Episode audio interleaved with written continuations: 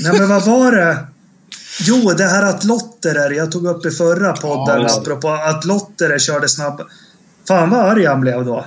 Det är allmänt känt att det var fel på Marcus bil då, för helvete.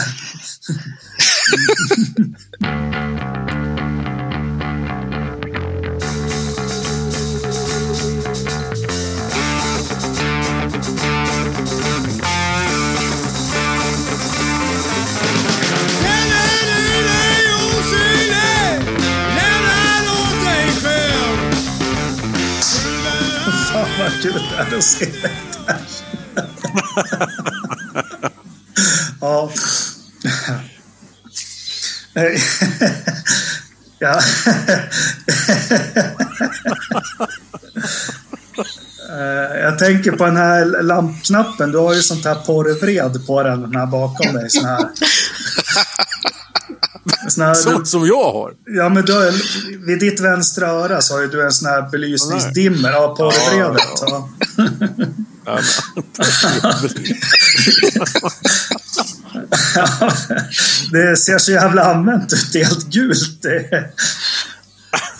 Men fan, det är ju sjögrästapet också. Original från 69. Ja, bra. Paus. Paus. Så, välkommen till Forsa-podden avsnitt nummer 51. Ytterligare en kvartett som eh, sänder ut i etern idag. Eh, lite förändrad. Eh, Anders Lövström har som sina idoler Schumacher och Grosjean fått ett one-pod-band. Han är avstängd efter förra veckan och för förra veckans eh, dikeskörningar där. Så hur var det Ridderstolpe? Det var många prickar på, på många poäng på körkortet han fick ta. Ja, alltså han lyckades ju precis som den där Indien va, liksom dra ett tiotal eh, straffpoäng på, på ett race där. Så att det, det var inget annat att göra än att stänga av honom. Ja. Det ryktas om att han är i Milton Keynes och försöker förhandla fram ett nytt testkontrakt i Virdheim. Är det något ni känner till? Jag har mer hört att han, han håller på och försöker få ihop de här Spice Girls-brudarna på någon... Ja, bra. Men som ni hör så har vi Ridderstolpe med och så comeback skulle jag säga på länk från Rais eh, studio i Rom. Eh, Joakim Ternström.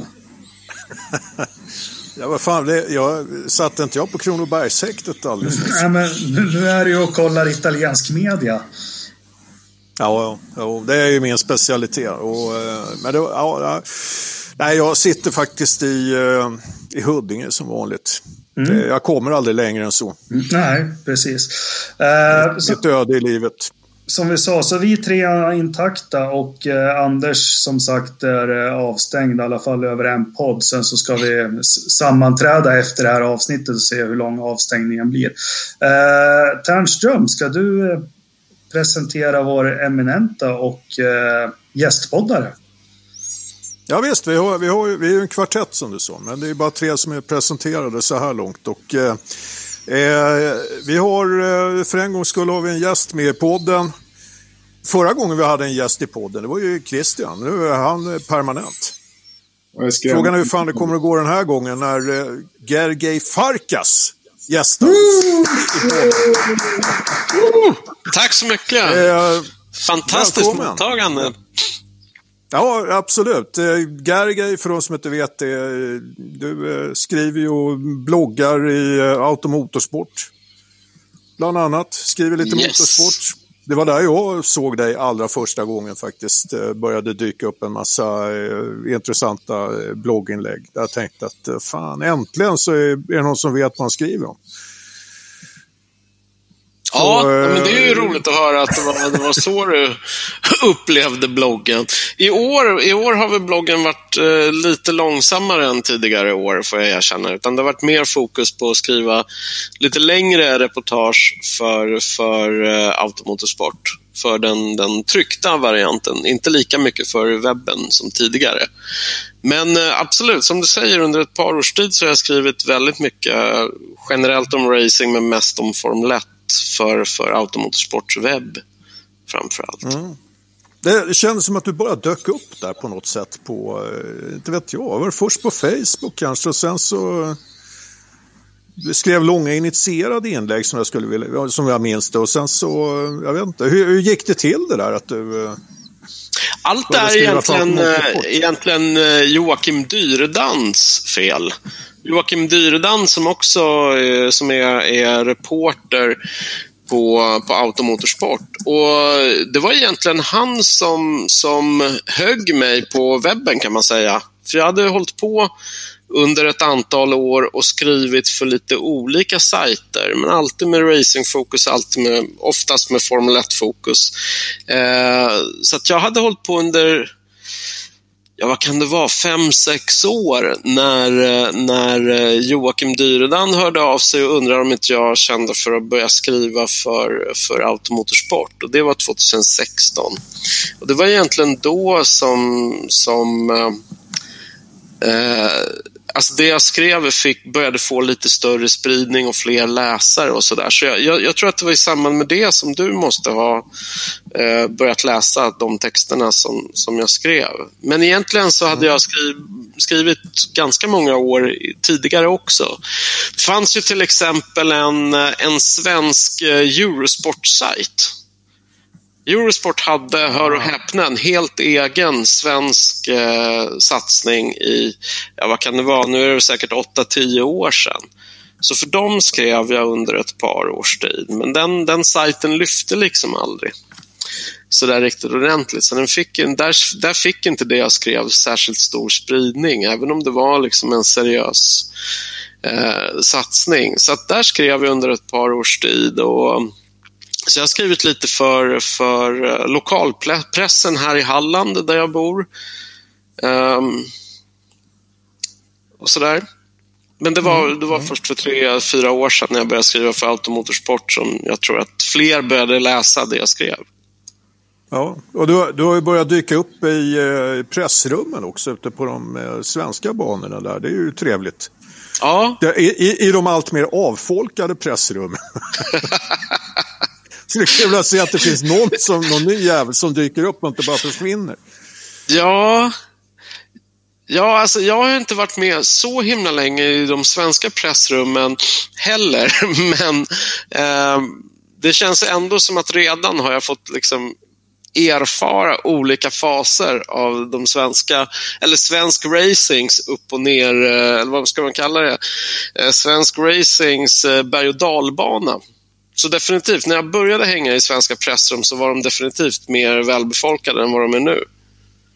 Mm. Jag, vet inte, skulle, jag vet inte hur man ska tolka det. Jag skulle vilja se ja, Tärnström, ja. Tärnström och Pettersens sitta där och gnägga. Det skulle vara syn. Ja, det, jag, tror inte, jag tror inte Pettersens är så, är så jävla glad i mig. Om han nu ens eh, kommer ihåg mig, men eh, jag tror det enda meningsutbytet vi har haft var, var väl kanske inte sådär jätte... Ja, det var, det, var, det, var, det, var lite, det var lite kantigt kan vi säga. vad vad på, gick det ut på? Ja, nej, men jag vet inte. Han, eh, han har ju naturligtvis glidit omkring i depåerna och känner folk till höger och vänster i, i F1-depåerna. Liksom. Men eh, bara för att man gör det så betyder det inte att man faktiskt sitter inne på eh, den enda och hela sanningen. Eh, och eh, ah, Jag vet inte, jag kan tycka ibland finns det liksom en sån här lite elitistisk eh, eh, eh, något socialistiskt elitistiskt perspektiv där eh, en del tror liksom att bara för att de är mitt i smeten så vet de precis allting som för sig går, vilket absolut inte är sant. Det är bland de första grejerna man upptäcker när man kommer in i en racingdepå, hur jävla lite folk vet. Mm. Eh, man kan fråga förare till exempel om någon annan förare och de vet inte ens vem man pratar om ibland. Alltså de, mm. de känner ju inte ens till namnen på alla förarna i sin egen klass. Eh, och jag har ju jobbat med team också eh, ur det perspektivet. Va? Så att jag, jag, jag har också sett det där hur hur väldigt, väldigt snävt fokus man har när man eh, är deltagare exempelvis. Så att mm. allt man får höra från deltagare är nödvändigtvis inte sant utan de, de, eh, de vet inte mer än, eh, än någon som eh, kanske till och med befinner sig helt utanför sporten, liksom, en utomstående betraktare. Mm. Jag håller Eh, helt med. att, Nå, nå, det här får mig att tänka på en grej som de gånger jag har varit ute på, på Formel 1 och suttit i, i pressrummen, och det är verkligen inte många gånger. Vi har varit ute på en hel del test, försäsongstest och, eh, och en handfull tävlingar. Men någonting som slår mig varenda gång är jävlar vad folk sitter och häckar just i pressrummen och läser vad andra har skrivit. Istället för att faktiskt vara ute och göra jobbet själva. Och det, det är ju liksom chockerande när man ändå är där, man har möjlighet, man har, man har liksom möjlighet att vara ute och faktiskt ta reda på hur bilen ser ut vid en viss del av banan eller hur, vem, vem som tycker vad och varför. Så sitter folk ändå majoriteten av tiden och läser vad som skrivs på motorsport.com och replikerar det på sitt eget språk. Fast det, det är kul det du säger. Som jag, fan, nu hamnar vi helt snett på det direkt. Men ja, nu är Alan Henry inte med oss längre. Men vad heter de här gamla, men vad heter de här gamla på Autosport nu? Åh, Ja. Nigel Roebuck och... Ja, precis. De, har, de producerar ju poddar eller i skrift ingenting nytt. De snackar ju bara om lopp på 70 och 80-talet. Som jag i och för sig då, men... Eh, Ja, Vem är den ledande F1-journalisten nu om man vill vara initierad då? Någon... Vem har bäst koll? Alltså, det, det, det blir ju såna här... Det finns ju några såna här insiders som Dieter Renken och eh, Joe eh, Sayward, eller vad fan han nu Mm. heter. Joe Men, men, och, och båda de där två är ju eh, helt eh, övertygade om sin egen förträfflighet. Eh, de gillar inte varandra för fem öre tydligen. Gör de inte? Eh, nej, nej, men, och, men, och de är båda helt övertygade om att de eh, sitter inne på eh, liksom, den enda riktiga informationen. Problemet är bara, det gäller dem och det gäller Peter Svens och det gäller, har även hjälpt mig och gäller många andra. Alla som springer omkring i en, en sån här depå kan jävligt lätt bli offer också för, eh, eh, för de som vill ha ut Mm. information eller budskap som gynnar deras egna syften. Va? Så att det är väldigt lätt att man blir en budbärare och man får höra saker i förtroende. Liksom. Men eh, det, det är... Så att... Eh, ja, det, det, det finns eh, många fällor att gå i. Tobi, Tobi Grüner på tyska automotorsport Just tycker jag det. är bra. Honom, honom Ja, just det. Ja, sådär slaviskt. Han är, han är så här tyskt korrekt. Han verkar liksom rapportera allt han, han stöter på. Eh, Så att, eh, jag, jag, vågar inte, jag vågar inte säga någonting om hans sanningshalt, men, men det är någon jag uppskattar och Joe Seward läser jag gärna. Eh, men jag vet inte, det, jag tror att det, det, hela den världen som följer F1 har ju verkligen exploderat i, i, i bredd på något sätt de senaste åren. Så det känns som att det, det finns en så otroligt stort urval av, av sajter och folk att följa om man orkar och vill. Så det, jag tror att det har blivit väldigt mycket svårare att hitta de här, de här riktiga så där stjärnorna som man, man vet åtminstone oftast gör rätt analys eller oftast har rätt information. Det är ju det häftiga med den här avknoppningen, Forza Motorsport. Men det har vi tagit så många gånger i slutet av 90-talet. Eh, hur fantastiskt många läsare vi hade på sajten. Och fick väl, vi nådde väl ut internationellt också med vissa nyheter ibland. Men skit i samma. Alla som vill veta något om Formel 1 rekommenderar att läsa Anna Andersson på Aftonbladet. Hon är initierad och duktig. Hon, hon får guldpenna. Gergej, förutom så vi får veta lite mer om eh, vad du tycker om Formel 1 och motorsport och så. Förutom Damon Hill, vem är din favoritförare genom tiderna? Det är, det är en svår fråga. Ehm, ja, jag börjar med Niki Lauda. Niki Lauda var ju den första. Den, Yes. den som jag fastnade för. Och Det har ju att göra med att jag, jag började titta på Formel 1 84. Jag var tio år gammal och jag tänkte, vem, vem, vem 17 ska man hålla tummarna för? då? Och Niki Lauda var den enda jag hade hört talas om innan. innan egentligen innan jag, jag fattade vad Formel 1 var. Så att han var den första. Och jag, jag har sedan dess i, i ganska många diskussioner med folk eh, så argumenterat för att Niki Lauda är, ju- är ju störst på grund av att han har vunnit VM i så extremt olika epoker. Eh, och visst, det, det finns andra som har vunnit VM med, med väldigt många år emellan titlarna, men, men jag tycker ändå steget från hans sista titel på 70-talet, 77 fram till mitten av turboeran. 84 var ändå så stort, så för, så för mig har, har det alltid smält väldigt högst. Sen när han, han la av 85, då, ja, vem, vem ska jag hålla på då? Då, alltså då, då blev ju Alain Prost som jag skiftade över till. Så att, sen har jag fått försvara Alain Prost i massa diskussioner och, och hävdat att han är, han är den största genom tiderna.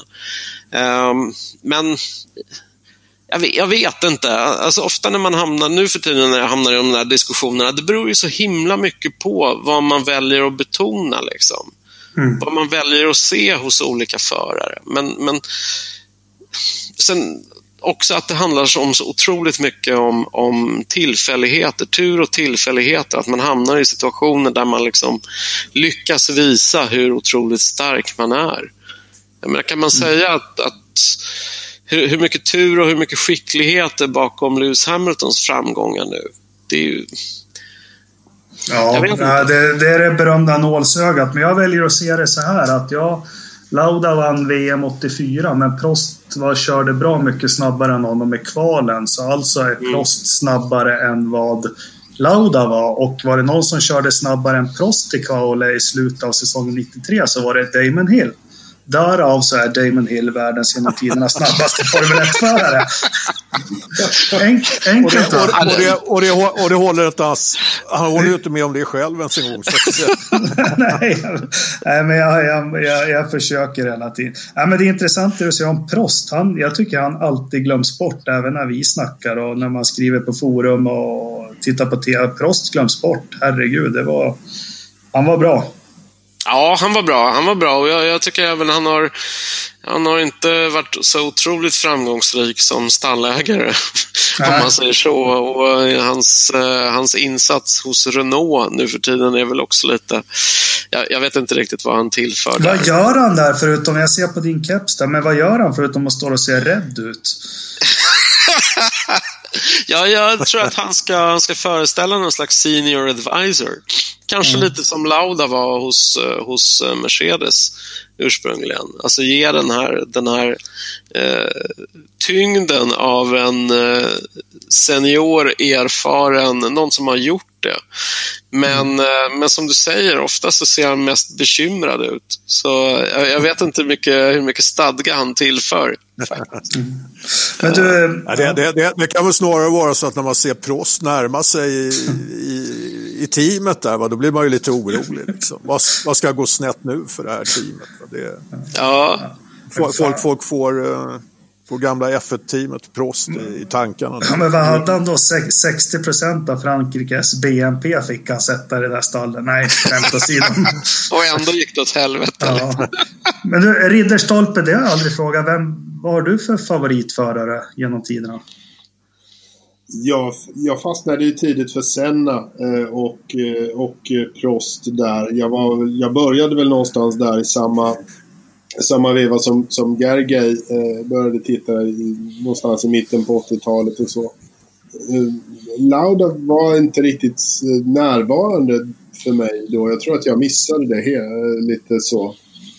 Eh, sådär. Men det var mycket. Jag gillade ju de där tajta kamperna. Sen gillade jag också liksom när Micke Häkkinen körde och, och, när han och Schumacher höll på liksom, så fightades och sånt där. Det, det tyckte jag liksom var kanon. Liksom. Jag gillade ju Micka i McLaren, var ju liksom en riktigt bra, riktigt bra förare där. Sen har jag ju egentligen alltid tyckt att David Coulthard var en trevlig typ.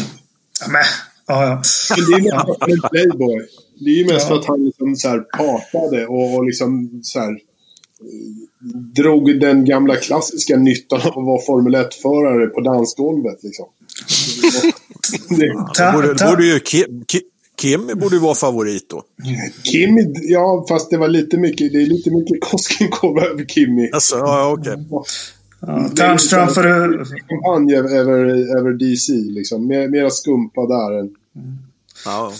Förutom Rudolf Caricciola då, Tärnström. Vem var det som satt ja. ditt hjärta i brand där i ungdomens dagar? Nej, det var väl eh, Nuvolari. Nuvolari, Tassio. Ja. ja, ja. Det finns en jättefin Nej, låt om honom. Eh, ja. ja. Skämt åsido. Nej, men det, ja, ja, ja, men det, det var ju det man eh, såg. Eh, man kollade på eh, Draken, eh, som biografen hette där i Solna, när de vevade journalfilmer och annat. Han svischade förbi där. Ja, det, var, det, var, det var tider. Mm. Nej, men eh, vad fan då? Det finns, finns ju många förare. Lauda är ju faktiskt en av mina favoriter. Eh, och, alltså det är ju både, både i bilen och vid sidan av. Var han ju det. Det var en riktig jävla karaktär. Mm. Sen gillar jag Prost också. Eh, jag gillar förare som på något sätt eh, bygger en story. Prost gjorde ju det liksom. Med sitt sätt att vara och sitt sätt att köra. Alltså, han, han kallades ju inte för eh, professor för inte. Förmodligen tilltalade en akademiker som, som uh, Gergely misstänker. Fast han lärde sig väl det, det av, la, la, han lärde sig väl det av Lauda? Ja, det gjorde han säkert. Alltså. Mm. Lauda var ju också, alltså det var ju, det var ju två jävligt smarta förare. Där. Mm. Mm. Men sen, mm. man, man kommer ju aldrig ifrån eh, Lauda. Eh, det finns ju ingen eh, hårdare man som har vandrat på den här planeten förutom Harry Callan. Men vad, vad, vad, var det, vad var det han dog av till slut då, Lauda? Det... Ja, fan. jag vet fan. Nej, men det var väl någonting med njurarna där och lite, det var ju transplantationer och grejer och fan vet vad. Men alltså att, att eh, komma tillbaks efter olyckan eh, på Nybro liksom och, och eh, avsluta säsongen som han ändå gjorde. Mm. Bara det var ju oerhört starkt. Va? Och, mm. Men sen dessutom alltså med, med de motgångarna ändå komma tillbaka och ta en titel sen 84. Det är Ja, men, men, det, det, men också, också att, att kliva ur bilen eh, i Japan 76. Precis. Ja, det, det, det, tycker jag är stenhårt. Det, det är någonting som, som verkligen så här, bidrar till min uppskattning för karaktären Lauda. Fast fan, jag har, svårt, jag har svårt att bestämma mig vad jag tycker om just den grejen. Så ge mig argument nu det är, oavsett, jag, jag, tycker egentligen oavsett om man håller med om handlingen så, är, så tycker jag att under den pressen att stå upp för det man tror på, tycker jag är, det kan aldrig anses fel i alla fall. Och det var det han gjorde, ja. precis som två år senare när han klev ur bilen i Kanada och bara, nej jag lägger ner, jag, jag tycker inte det här är kul längre, det här är skit liksom. Ja. En feg jävel. Ja, alltså, ja, han, han har ju skrivit själv att han var framförallt väldigt så här, ekonomiskt kalkylerande. Han kommer ja. ju från en finansfamilj och han har alltid sagt att ja, men finns det något bättre sätt att tjäna pengar på så tänker jag göra det. Så mm. någonstans kände han väl att nej, det, det, jag har mer pengar att göra någon annanstans än att köra runt i cirklar här. Så mm. han klev ur och, och gjorde det. Men någonstans så, så, vet jag att för egen del så uppskattar jag det där att, att man, man står upp för det man tror på. Sen... Ja, absolut. Absolut. Det var alltså, ja, men det, det är superstarkt och liksom vad hade han att förlora? En del som säger att ja, han hade egentligen allt att förlora på, att man brydde sig inte. Så det, ja. Må han vila i frid. frid. Hörrni, då har vi lyckats presentera alla på 25 minuter här. Då. Det är någon form av världsrekord. Så, så, fort, har, så fort har det aldrig gått. Eh, det är halvtid här nu i Formel 1. Jag tänker lämna ordet lite fritt, men det kommer ju önskningar på, på forumet. Jag kallar ju det forum fortfarande. Eller vad heter det? Forza Facebook. Gruppen. Bulletin board. Uh, silly season. Uh, silly season här. Det är lite... Jag slänger ut frågan här, ordet. Vilka bilar sitter Alonso, Ocon och Gasly i nästa säsong? Ordet är fritt. Alonso sitter i sin Ford Escort som han sitter i just nu också.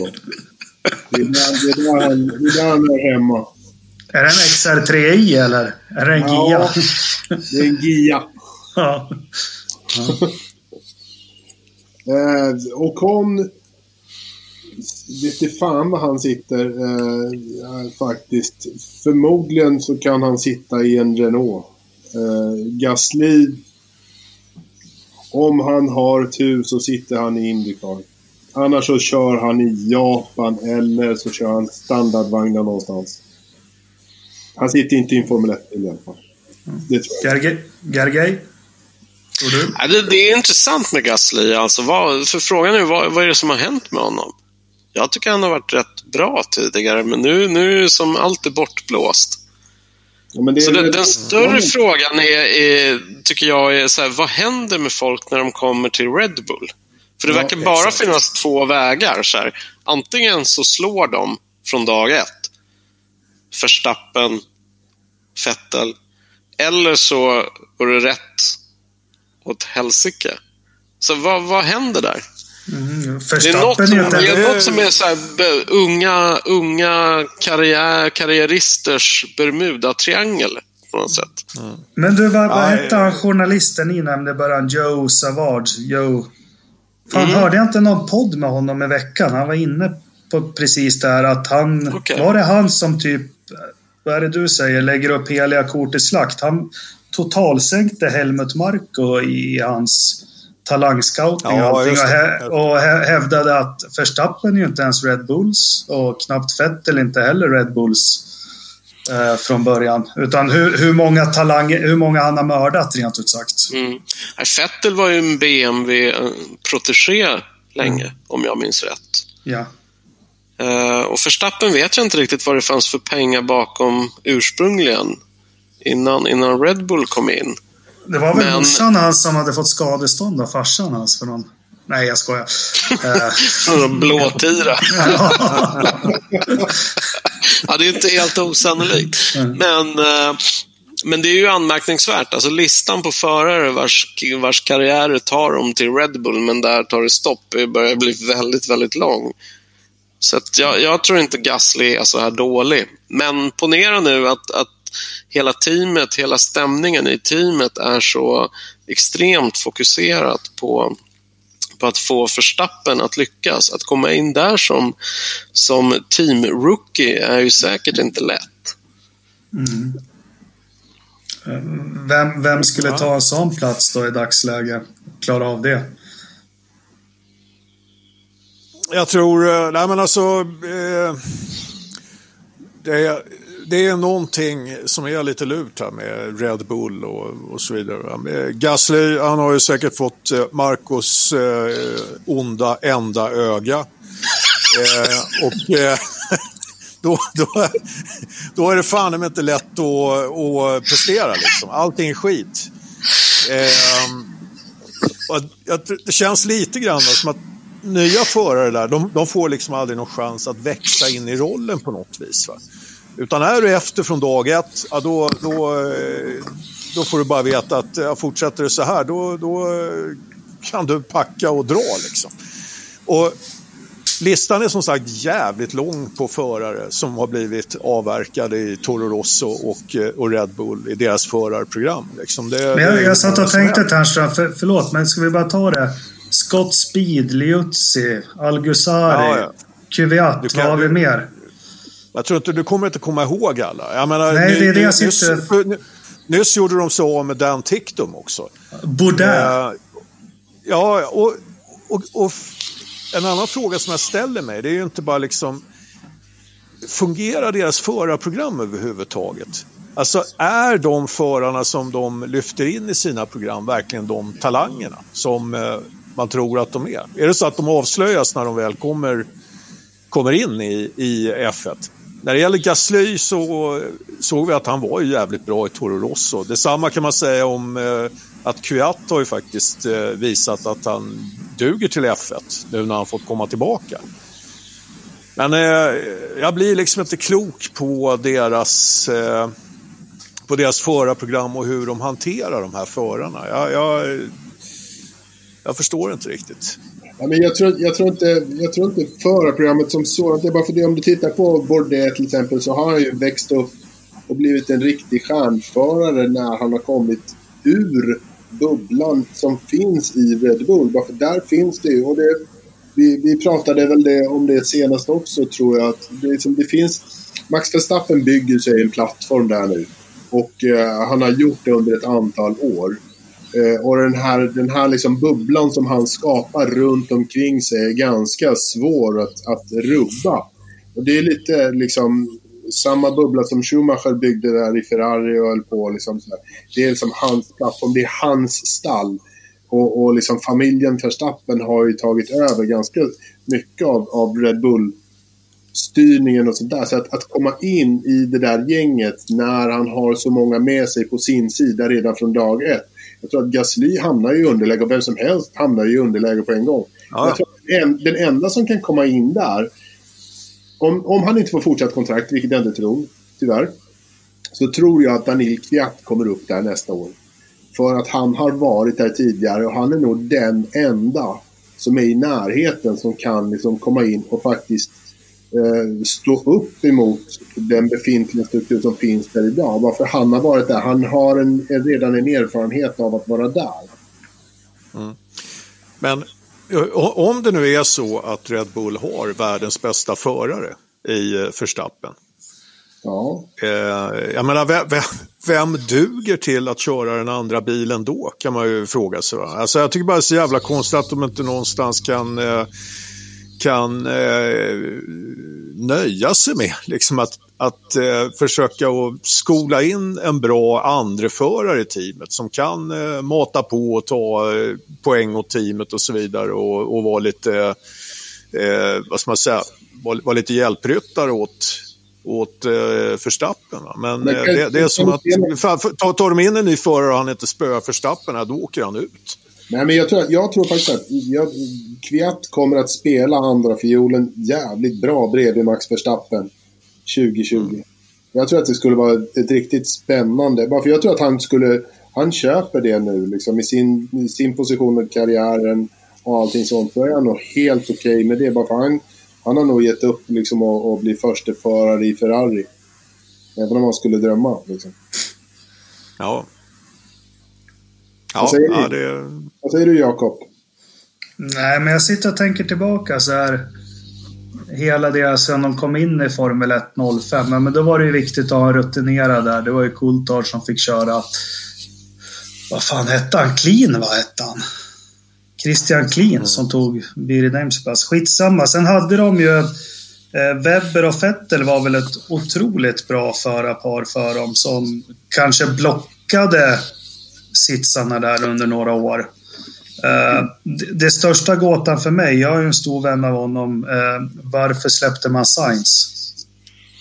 Ja, det är ju märkligt. Mm. Det håller jag med om.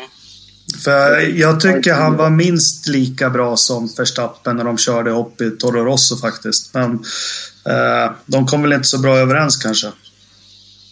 Jag tror att Science ville bort därifrån, var det inte så? Var det inte han som, som drog sig ur eh, därifrån och, och ville, ville ur? Ja. Ja, men vart sitter Gasly nästa år då? Det var ju frågan. Eller var det, vem var vi på? Ja, men... Ja. Gasly. Ja. Jag skulle inte bli förvånad ifall de flyttar ner honom till, eh, till uh, Toro Rosso. Mm. De har gjort det förut. Jag, jag, skulle inte bli förvånad ifall de tar en switch mellan Kviat och Gasly. Redan i säsongen? Kanske inte redan under säsongen, men till nästa år. Mm. De har ju... En... Ja, egentligen rätt klokt. Eh, det vore rätt klokt att göra det faktiskt. För att eh, jag tror det är för tidigt att avfärda Gasly. Jag tror det också. De gjorde ju det med Kviat. Och det tog ju några år, men nu är han ju tillbaka. Och han är ju, känns ju starkare än vad han gjorde tidigare. Så att Visst, han har fått ta omvägen via Ferraris simulator, men han är ju tillbaka och han känns ju rätt stabil. Stabilare än tidigare. Så jag, jag, jag tror inte riktigt Red Bull är, är, klara med Gasly, men frågan är om, om han kommer köra Red Bull nästa år. Um, så ni tror mer på Kuvatten än Albon? Ja. Jag tror eh, Al Albon är för grön. Mm. Och risken att, och det tror jag Gasly var också.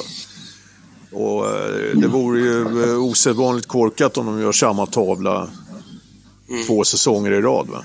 Mm. Ja, men Nå någonstans måste de, de måste börja odla sina talanger lite grann. Men då har vi rätt ut om det. Men Ocon då pratas det mycket om. Vad, vad tror vi den här? Gerge, vad tror du om Ocons framtid? Eh, sparkar Mercedes ut Bottas eller söker han sig till grodätarna? Ja du, ja, jag tror sannolikheten är större att han hamnar i Frankrike eller England eller hur man ska se Renault än att eh, Mercedes ruckar, ruckar båten. För eh, ja, men lite som, som någon sa tidigare, var, varför försöka få in någon som eh, som kanske börjar rucka båten hos Mercedes.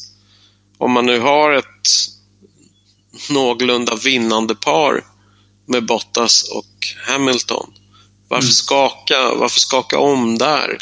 Och visst, Bottas känns ju inte redo och systematiskt konsekvent utmana Hamilton. Men, men det kanske de inte behöver i den bilen heller så länge Hamilton är på den extremt höga lägstanivån som han är på. Så varför ska mm. man ta in någon som, som från dag ett behöver, behöver på något sätt rucka på den, den balansen? Jag tror att det vore väldigt korkat av Mercedes att att förändra laguppställningen så som den ser ut idag. För det är inte så, vi kan tycka vad vi vill om, om Bottas, men det är inte riktigt som att han är, han är inte dålig. Han är bara inte spektakulär liksom. Han är, han är, han är Bottas. Han, han är Bottas. Han är, han är, han är liksom trygg och han levererar tre dagar av fyra på något sätt. Ah, två av fyra ja, max. Alltså, ja. ja, men Han, han, han, har, han har ju ändå lyft sig va? jämfört med... Ja, men, nej, men, nej, men, nej, lägg, nej, men, nej, men gå inte dit nu. Släpp det där. Alltså, ja, ja, ja, men, men, men, men, men, det känns som ni har varit här tidigare va? Ja, ja. ja lite. Nej, men, Nej, men, men, varför, varför göra sig av med honom i så fall? När han, ja, men alltså, han har ju en högre kontinuitet i år än vad han hade, mm. hade i fjol. Ja. Men, och varför, varför då göra sig av med en förare som ändå visar en, en eh, liten utvecklingspotential, mm. men han kommer aldrig komma i närheten av Hamilton. Nej, Nej men det finns eh, absolut, det finns absolut han, ingen... Han, han blir kvar där. Vad fan ska ja. de ta in någon jävla rookie för? Det Däremot det, det... Renault, alltså, men även där så kan man ju fråga sig var, varför skulle Renault vilja rucka på sin uppställning som, som också är, är, den är ju bra. Den, är ju, men... den är ju inte heller överdrivet spektakulär, men det är ju inte bilen heller. Så jag menar, de, är, de ligger ungefär där man kan förvänta sig att de ska ligga. Men, men det är inte som att det är någon av förarna som, som underpresterar i förhållande till vad man kan förvänta sig av bilen. Men det finns ju också Nej. ett mervärde att ha en fransman i en fransk bil. Så, och det finns ett kontrakt som går ut och, och mm han har inte rosat marknaden eh, överdrivet eh, heller. Det är klart att han kanske inte kan köra fortare än 12. Mm. Men sätt dit en fransman så vinner du ändå någonting. Liksom. Mm. Ja, nej, det... Ja, Hylkenberg. Jag har ju inte köpt in mig på myten Hylkenberg riktigt. Jag tror ju Renault betalar honom ganska bra med pengar också. Men mm. återigen, var inte meningen att vara dum mot dig Ternström. Det finns ju ingen anledning alls att, att slänga ut Bottas från Mercedes. Vad har de på att vinna på ja, men att ta in någon som är lite vassare än honom? De vinner ju liksom allting ändå. Men det som förvånar mig Ternström med din livserfarenhet är att du köper hela den här myten om 2.0, skägg, äta gröt, ny Bottas. Bara för att Hamilton är lite bakis de två första loppen och liksom smular ihop lite pallplatser. Så du, du gick på hela den där förvandlingen. Nej, han är precis lika jämn som han alltid har varit. Ja, ja, vi, vi säger det. Mm. Jag, jag, vill ja. inte, jag vill inte heller åka på någon jävla eh, enpodsbestraffningar. Nej, det är bra. Det är bra det. Men Alonso då börjar det viskas mer och mer om och jag tror ju inte på det. Men om vi börjar så här då.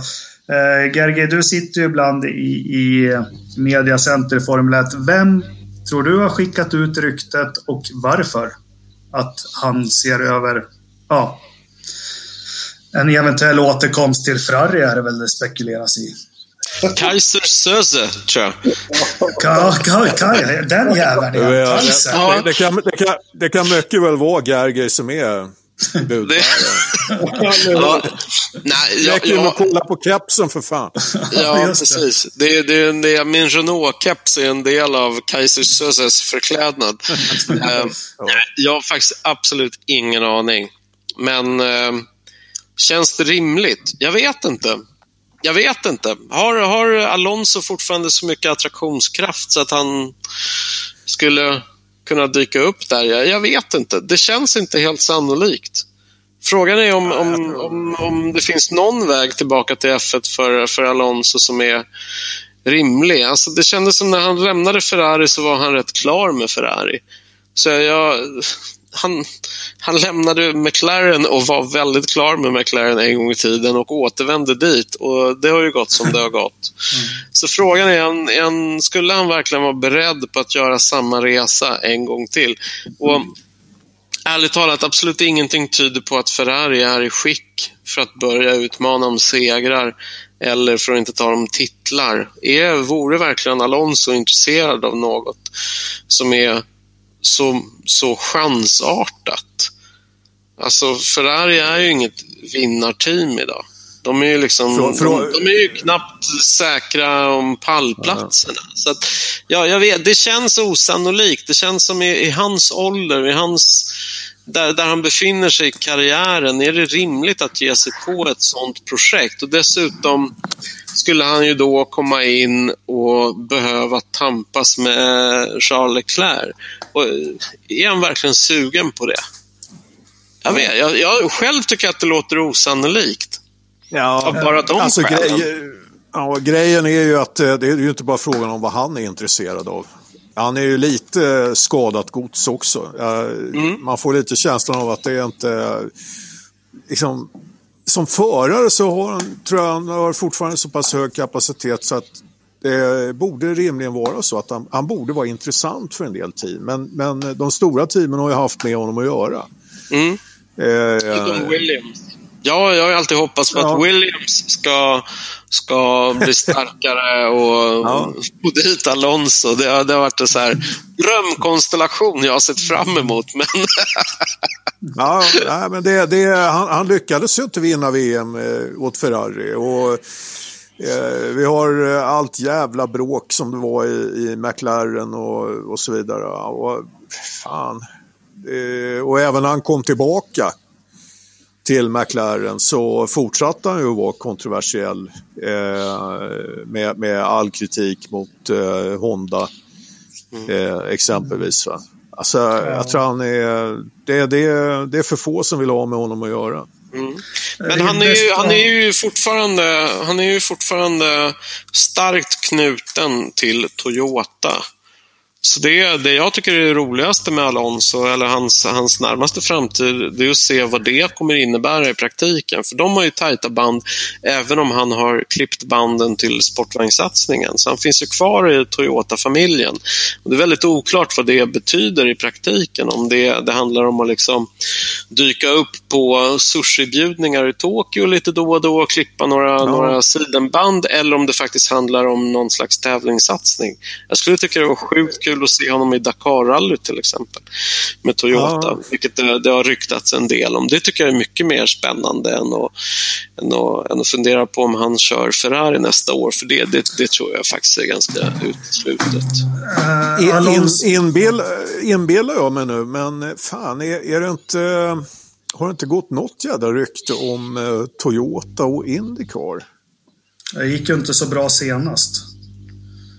Ja, jag vet inte fan alltså. Det, det vore i och för sig en, eh, en rätt intressant grej. Alltså. Jag menar, vad fan om Toyota... De, de är, behöver ju ha en ny motorleverantör, eller de är ute efter en ny motorleverantör i Indycar. Och Toyota skulle ju vara, vara Toyota tillsammans med, med Alonso.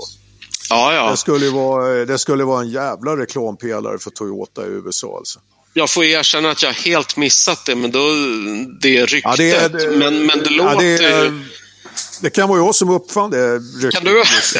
Då, då bidrar jag till att sprida det, för det låter som ett sjukt bra... Det låter som ett för bra rykte för att inte sprida vidare.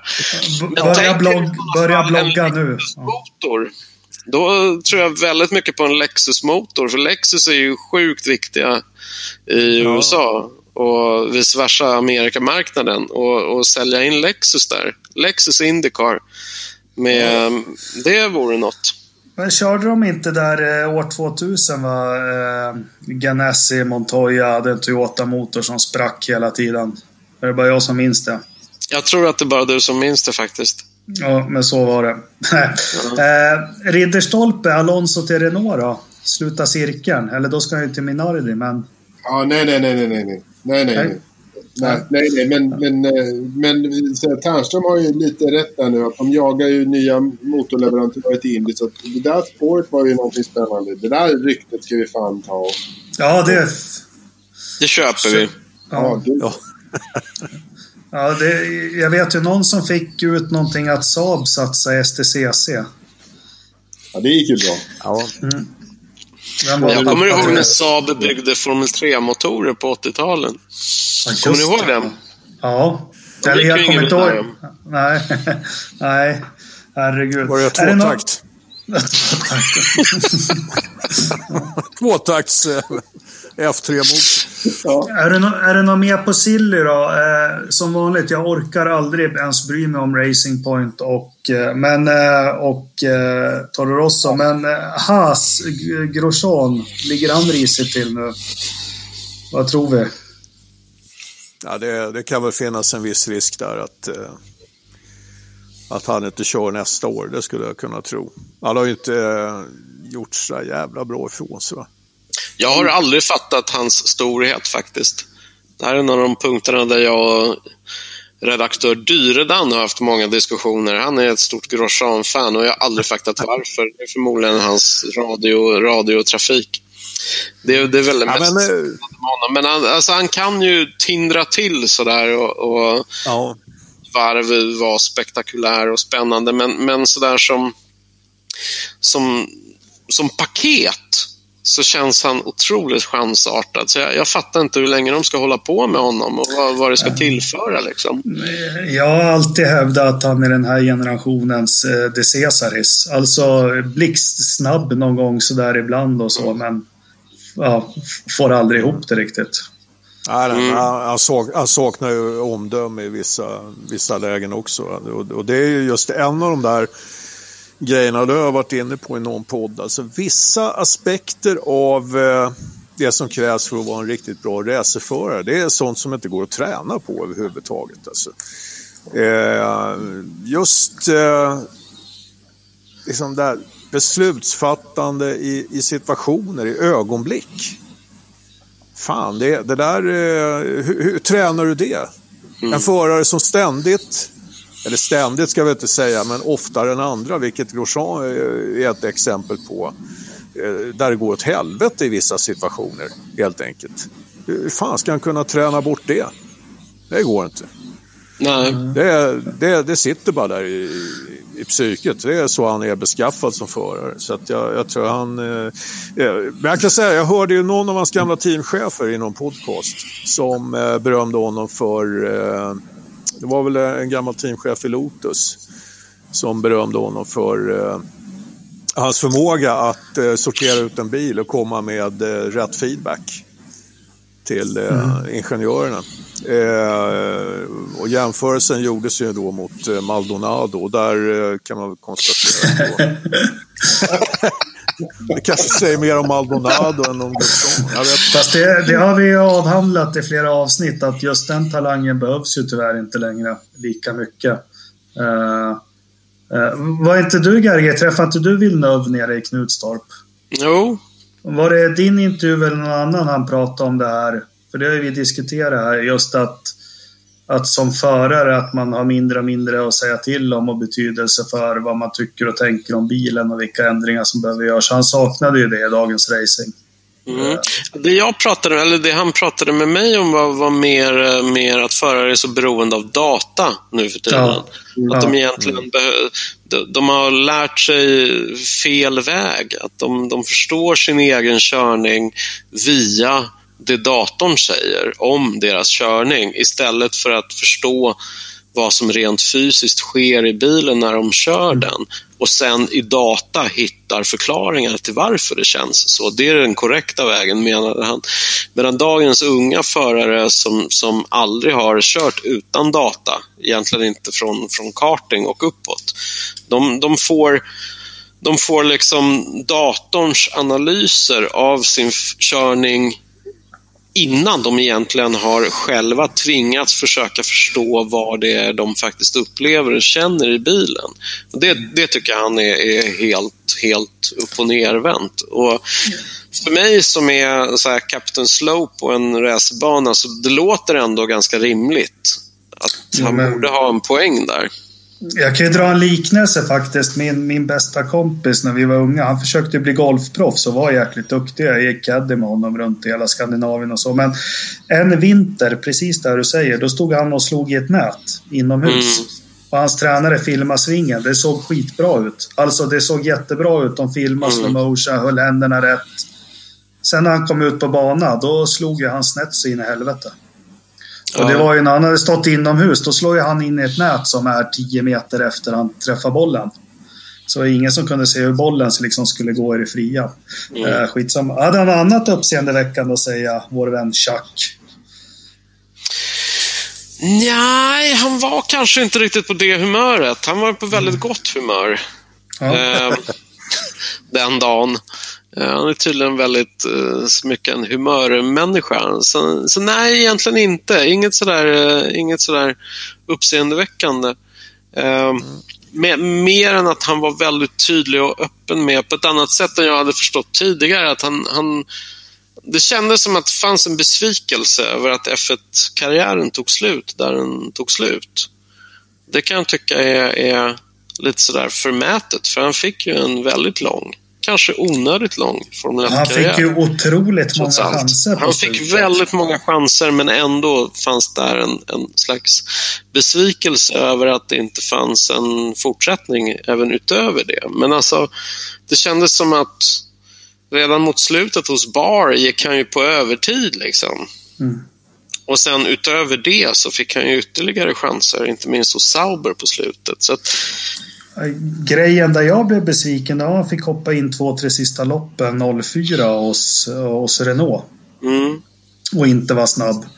Nej. Eh, fast eh, han högaktar ju Alonso efter de tre loppen i alla fall kan man eh, se i intervjuer med honom och så.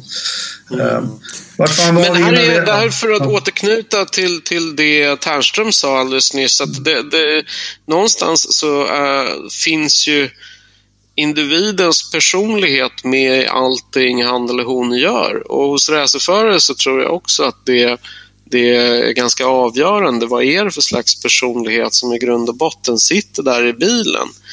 Mm. Eh, och nu, jag har träffat Jacques Villeneuve en enda gång och fick ett intryck av honom som person från den här intervjun. Vi satt i 20-25 minuter och pratade. Eh, och det, det, det kändes som en inte helt balanserad person som tänkte tittade tillbaka och pratade om sin, eh, sin karriär på ett ganska missnöjt och inte helt balanserat sätt. Jag, jag fick inte ett så superbra intryck av personen Jacques Villeneuve. Trots att han var på gott humör och var en liksom trevlig person att prata med så verkade han ganska sådär missnöjd med, med vad han hade åstadkommit. Och det, det tyckte jag var kanske det mest förvånansvärda. Jag tycker ändå att någon som har gått så långt som han har gjort, gjort så mycket som han har gjort, levt ett så enormt privilegierat liv och dessutom vunnit VM eh, i Formel 1, borde kunna titta tillbaka på sin karriär och vara lite mer så här laid back och skönt avslappnad inför vad han hade åstadkommit istället för lite sådär snarstucket missnöjd med saker han eventuellt har missat. Förstår ni hur jag menar? Ja, jag förstår ja, absolut. Jag kan, jag kan känna det själv. Vad fan, tidigt vinner Indy 500, vinner Indycar, mm. två i VM, vinner... Sen kan man säga vad som helst, men alla har haft bra bilar när de vunnit VM. Han körde ju otroligt bra 97, absolut. han körde jättebra 98, 99. Jag har alltid absolut. haft känslan jag har alltid haft känslan att han, han, vad han än säger så går han upp mot demonen, sin farsa där. Och mm. Jag tror han vill avsluta en racerbil liksom, ordentligt. Ja, det är ja. möjligt, men, men det, hur det än är med den saken så känns det som så här, vad fan, 20-25 år senare sitta och bara, ah, jag skulle ha gjort mer. Det känns lite så här, varför då? Mm. Vad, vad, är, vad, är, vad är det för hål som ska fyllas liksom? Jag tycker det var lite intressant, eh, för det kanske har med saken att göra. Det du sa, eller rätt sagt det, som vi pratade om i intervjun, att han, han tycker liksom att F1 har blivit för... Eh, eh, det är för mycket data och så vidare. Och, och, mitt intryck av honom som förare, det är att han är en av de här klassiska riktiga racerförarna. Liksom. Det är det här som styr med högerfoten och, och liksom ja, på något sätt skolad. Eh, eh, han har gått i en annan skola än, eh, än dagens förare i Formel 1 har gjort i alla fall. Och, och det gjorde han ju också i och med att han kom fram i USA och, och körde Indycar innan han kom till Formel 1. Eh, jag undrar om det kan finnas en sån, sån grej också. Jag menar, hans eh, sista år i Formel 1 eh, då, jag menar, under de år som han var med i Formel 1 så gick, utvecklades F1 i en riktning mot det här som han inte gillar heller. Va? Mm. Eh, med allt för mycket data och, och så vidare. Va? Så att eh, det kanske också finns en viss bitterhet över att precis som för många av oss gamla racingfans att eh, F1 är inte riktigt det eh, som det var förr, liksom, eller som vi är uppväxta med. Eller, eh, ja, det, det, det är liksom en, någon, någon, form av dröm som har gått förlorad där på något vis i, i, det där. Men han låter jävligt bitter många gånger när han gör sina uttalanden om andra förare och vad det nu är för någonting. Så det, det, han verkar ju lite, lite halv ja, lite svår. Mm. Jag, jag, jag, måste bara så här, jag, min bild av, av Jacques Villeneuve är inte alls att han är så här, eh, gamla gardet. För, för mig var liksom den där bilen som han vann VM med, det kunde ju en höna köra och, och vinna VM. För det var ju liksom, den var ju så datastyrd och, och så, så, där, så det var ju galet. Jo, jo, men han kom ju, han kom ju från Indycar innan han kom till, eh, ja, ja. men det, till F1. Det, men det han gjorde som han strulade till både 96 när kanske bilen var ännu bättre när Damon Hill vann och mm. eh, 97, det var ju när man läser och det har han själv sagt. Han eh, vägrar ju att eh, inrätta sig i hur Williams tyckte man skulle ställa in en bil. Det var ju helt upp och ner allting. Allt ifrån... Eh, han var ju väldigt känd för, jag tror hans gaspedal hade en centimeter spelrum. Han eh, körde ju med en bakvagn som var bland det styvaste man någonsin som gjorde att det inte gick att köra över curbs och allting. Och där vet jag Damon Hill sa att han var inte så orolig. Han såg ju att Villeneuve var snabb i testerna, men han kommer gå bort sig under säsongen. Uh, tydligen så gick han väl inte så jättebra ihop med Patrick Head när det gällde det där, så han var lite för envis för sitt eget bästa. Mm. Ja. Hur fan hamnade ja, vi här? Jag menar, men det tyder ju också lite grann på, på det här, eh, jag menar, Williams-bilen var ju en bra mycket mer avancerad bil än vad han hade kört i Indycar. Ja. Fast 97, ja. 96, 97 var de inte så. De hade ju inga antispinn eller fjädring eller... Det var väl bara att han fick växla, paddelväxla var väl enda skillnaden. Ja, jag vet inte. Ja. ja, äh, låt säga så. Vi kan, vi, kan, vi, kan, vi kan räkna antalet sensorer. Ja, det kan vi. Ja, jag tror, jag tror att det var säkert betydligt fler. Vilket håll, eh, Ridderstolpe? Du har ju nävarna i, i Rich Energys kakburk. Åt vilket håll tittar de nu då när de har sparkat Grosjean? De tittar mot Renault och kommer att ta över den tyska Hylken. Så att han får sitta där i två år eh, innan han avslutar sin Formel 1-karriär. Smart tänkt. Men hur går det med Magnusen? Ja, jag tror faktiskt att det kan vara lite spännande. För där har liksom... Magnusson är ju eh, cocky bastard. Eh, så här. Men eh, jag tror att... Jag tror att de där två faktiskt kan hitta varandra och få lite kemi i det hela. Lite, som kanske lite grann har saknats. Jag tror att de där två kan gå ut och supa tillsammans och ha ganska trevligt. Mm. Jag tror att det kan bli något. Antingen så blir det äh. helvete, liksom, men men eh, jag skulle faktiskt kunna se Hylkenberg och eh, K-Mag tillsammans. Ja, varför inte? Gergej, vad tror du? Varför inte? Jag är, jag är ett stort Kevin-fan. mycket större Kevin-fan än Hülkenberg-fan. Så jag, jag, tycker det vore kul att se de två mot varandra. Samtidigt så tycker jag att jag har ju, jag har ju hållit Magnusen väldigt högt. Jag hade gärna sett honom spöa Grosjean ännu hårdare, ännu mer regelbundet. Mm. Uh, så har det inte riktigt sett ut hos Haas. Även om jag, jag tycker ofta så har ju Magnusen haft ett visst försprång. Men uh, jag, jag, skulle tycka det, det är kul att se dansken gå upp mot vem som helst. Varför inte, varför inte Hulkenberg? Ja. För sista sillgrejen då, avfärdar, det spekuleras ju lite. Marcus gjorde ett test här med Alfa Romeo. Vad händer i Alfa? Har han någon chans att köra där nästa år? Giovinazzi? Vad säger ni? Ternström? Nej. Nej, men det är det, det jag tror. Eh, jag tror att Marcus är relativt ointressant på eh, F1, F1-marknaden. Men eh, jag tror ju inte att Giovinazzi blir kvar heller. Så det blir frågan om vem som eh, övertar den där eh, sitsen. Mm. Kommer Mick Schumacher in redan? Eller är det för tidigt? Det vore, det, vore, det vore för tidigt. Men det skulle inte förvåna mig. Jag tror det är för tidigt. Jag, jag tror Giovinazzi sitter ett år till faktiskt. Bara för att vänta in Schumacher ett år, eller vadå? Ja, bara för att han ska ha fått en rejäl chans av italienarna. Liksom. Lite som Ocon skulle vara viktig för, för fransmännen i Renault så tror jag att Giovinazzi sådär symboliskt fortfarande betyder något för italienarna. Och nu när de väl har fått in honom där så tror jag att de, de behåller honom ett år till om han inte fullständigt gör bort sig andra, andra halvan av säsongen. Eh, och Det finns ju vissa tecken på att han, han börjar liksom lyfta sig lite. Men jag, mm. jag har ju aldrig varit övertygad om Giovinazzis storhet. Jag, jag tycker det var konstigt att han kom in överhuvudtaget från början. Um, men hur var det där? Visst de här inhoppen han gjorde hos Sauber. Jag, jag, tyckte, jag var inte alls övertygad om dem. Han gjorde mm. något FB1-inhopp i Ungern för ett eller två år sedan. Två år sedan tror jag att det var, som var bara så här herregud. Han satte den i räcket efter tre mm. varv på FB1.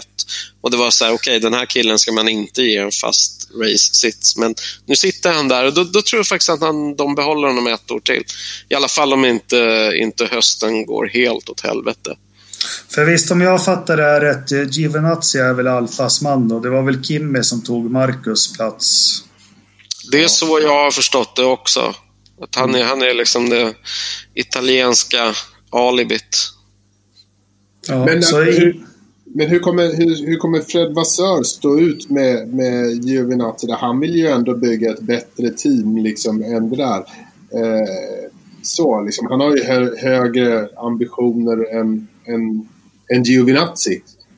Han måste ju ha något bättre. Det måste finnas något annat, även om det kanske då inte riktigt är italienskt, att, att peta in i den sitsen istället. Absolut, det är ju det som är den, den andra vågskålen. Så är det. Ägarna mot, mot chefen liksom. Ja, fast äg, ägare, ägare, ja, ägare och ägare. Jag vet inte, vem äger egentligen Alfa Romeo idag? Är, är det fortfarande Longbow, Longbow Finance? Ja, men det är väl det va? De, de har ju fortfarande inte släppt in...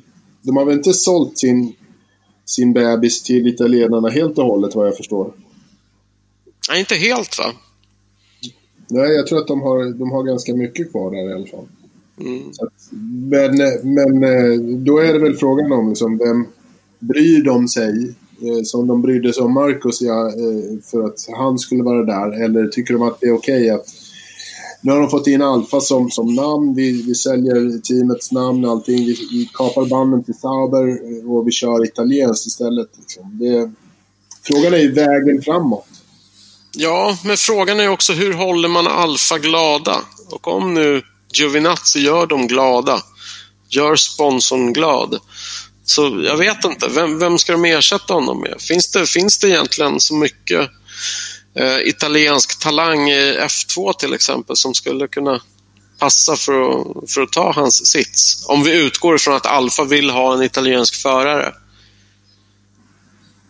Nej, jag, jag tror inte det va? Nej. Ingen Giotto, Marcus i alla fall. Giotto, vad tror ni om honom? Ja. Jag vet inte. Fan, jag tycker det är svårt att eh, bedöma de här förarna i F2-fältet. Mm. Ja, det, det svajar, det går liksom lite upp och ner där för de där. Det men det som... jag frågar mig, alltså ni var inne på det, men som Alfa, vad vill de som team, varumärke och allting? För ingen kan ju säga att de har gått ut kraftigt och sagt att vi ska bli bäst, vi ska vinna eller någonting. Är de bara där för att visa Fiat-gruppen ska sälja lite mer? Jag, jag riktigt fattar inte det här liksom. Det är nog, det är nog bara att Fiat-gruppen ska sälja lite mer Alfa Romeo-bilar. Mm helt enkelt. Så här, det, det där är nog bara marketing, eh, budget, eh, pengar som, som går in där. Krasst sett. Mm. Liksom. De, de, de kommer inte satsa på att det där stallet ska vinna, vinna VM någonsin. Liksom, utan de har redan ett stall som ska vinna VM. Mm. Det finns ju också eh, politiska motiv för att de är med. Att Ferrari stärker sitt grepp om, om eh, Ja. Eh, ja, det, det, det, det, behövs ju som påtryckningsmedel när det, ska, när det är dags för nya reglementen och förhandlingar om de kommersiella rättigheterna och vad det är för någonting. Men vad bra Ternström, nu gjorde ju du den här bryggan som vi behöver. För jag tänker nu har vi en Aha. journalist med oss nästan kan vi säga. Nej men vi har ju den här eviga punkten med Formel 1 vara eller icke vara och, och vad behövs det framåt? Och nu har det ju varit några turbulenta eh, veckor kan man väl säga där regelboken har varit i fokus. Men vi har även ett nytt reglemente på gång man inte kommer överens om. Det är mycket tjafs om däck, om det ska vara nya eller inte och hej och hå. Eh, vad, vad, har vi för syn på det här? Alltså, rent ut sagt, hur fan vill vi att Formel 1 ska se ut? Allt ifrån banor till regelböcker till bilar och, och till allting. Jag bara... Jag kan starta diskussionen vad jag jag vill att bilarna ska börja väga 505 kilo igen. Det är nummer ett jag säger. Mm.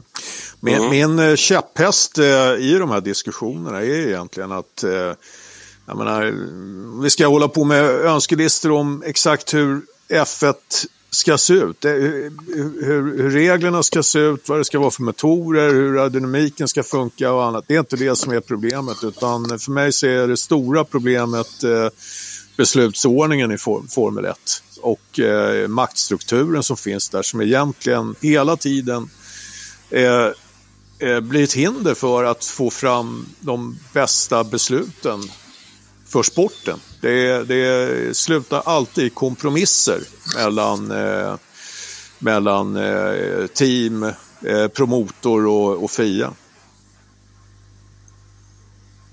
Och det är väl där som du och jag är riktigt överens, Ternström. Eh, ja, det, det, är det, det är det enda. Ja, jo, ja, precis. Det, är, det är det enda vi är överens om. Vi hade en liten, liten tråd där på, på, i Forza-gruppen. Liksom om det. Och det...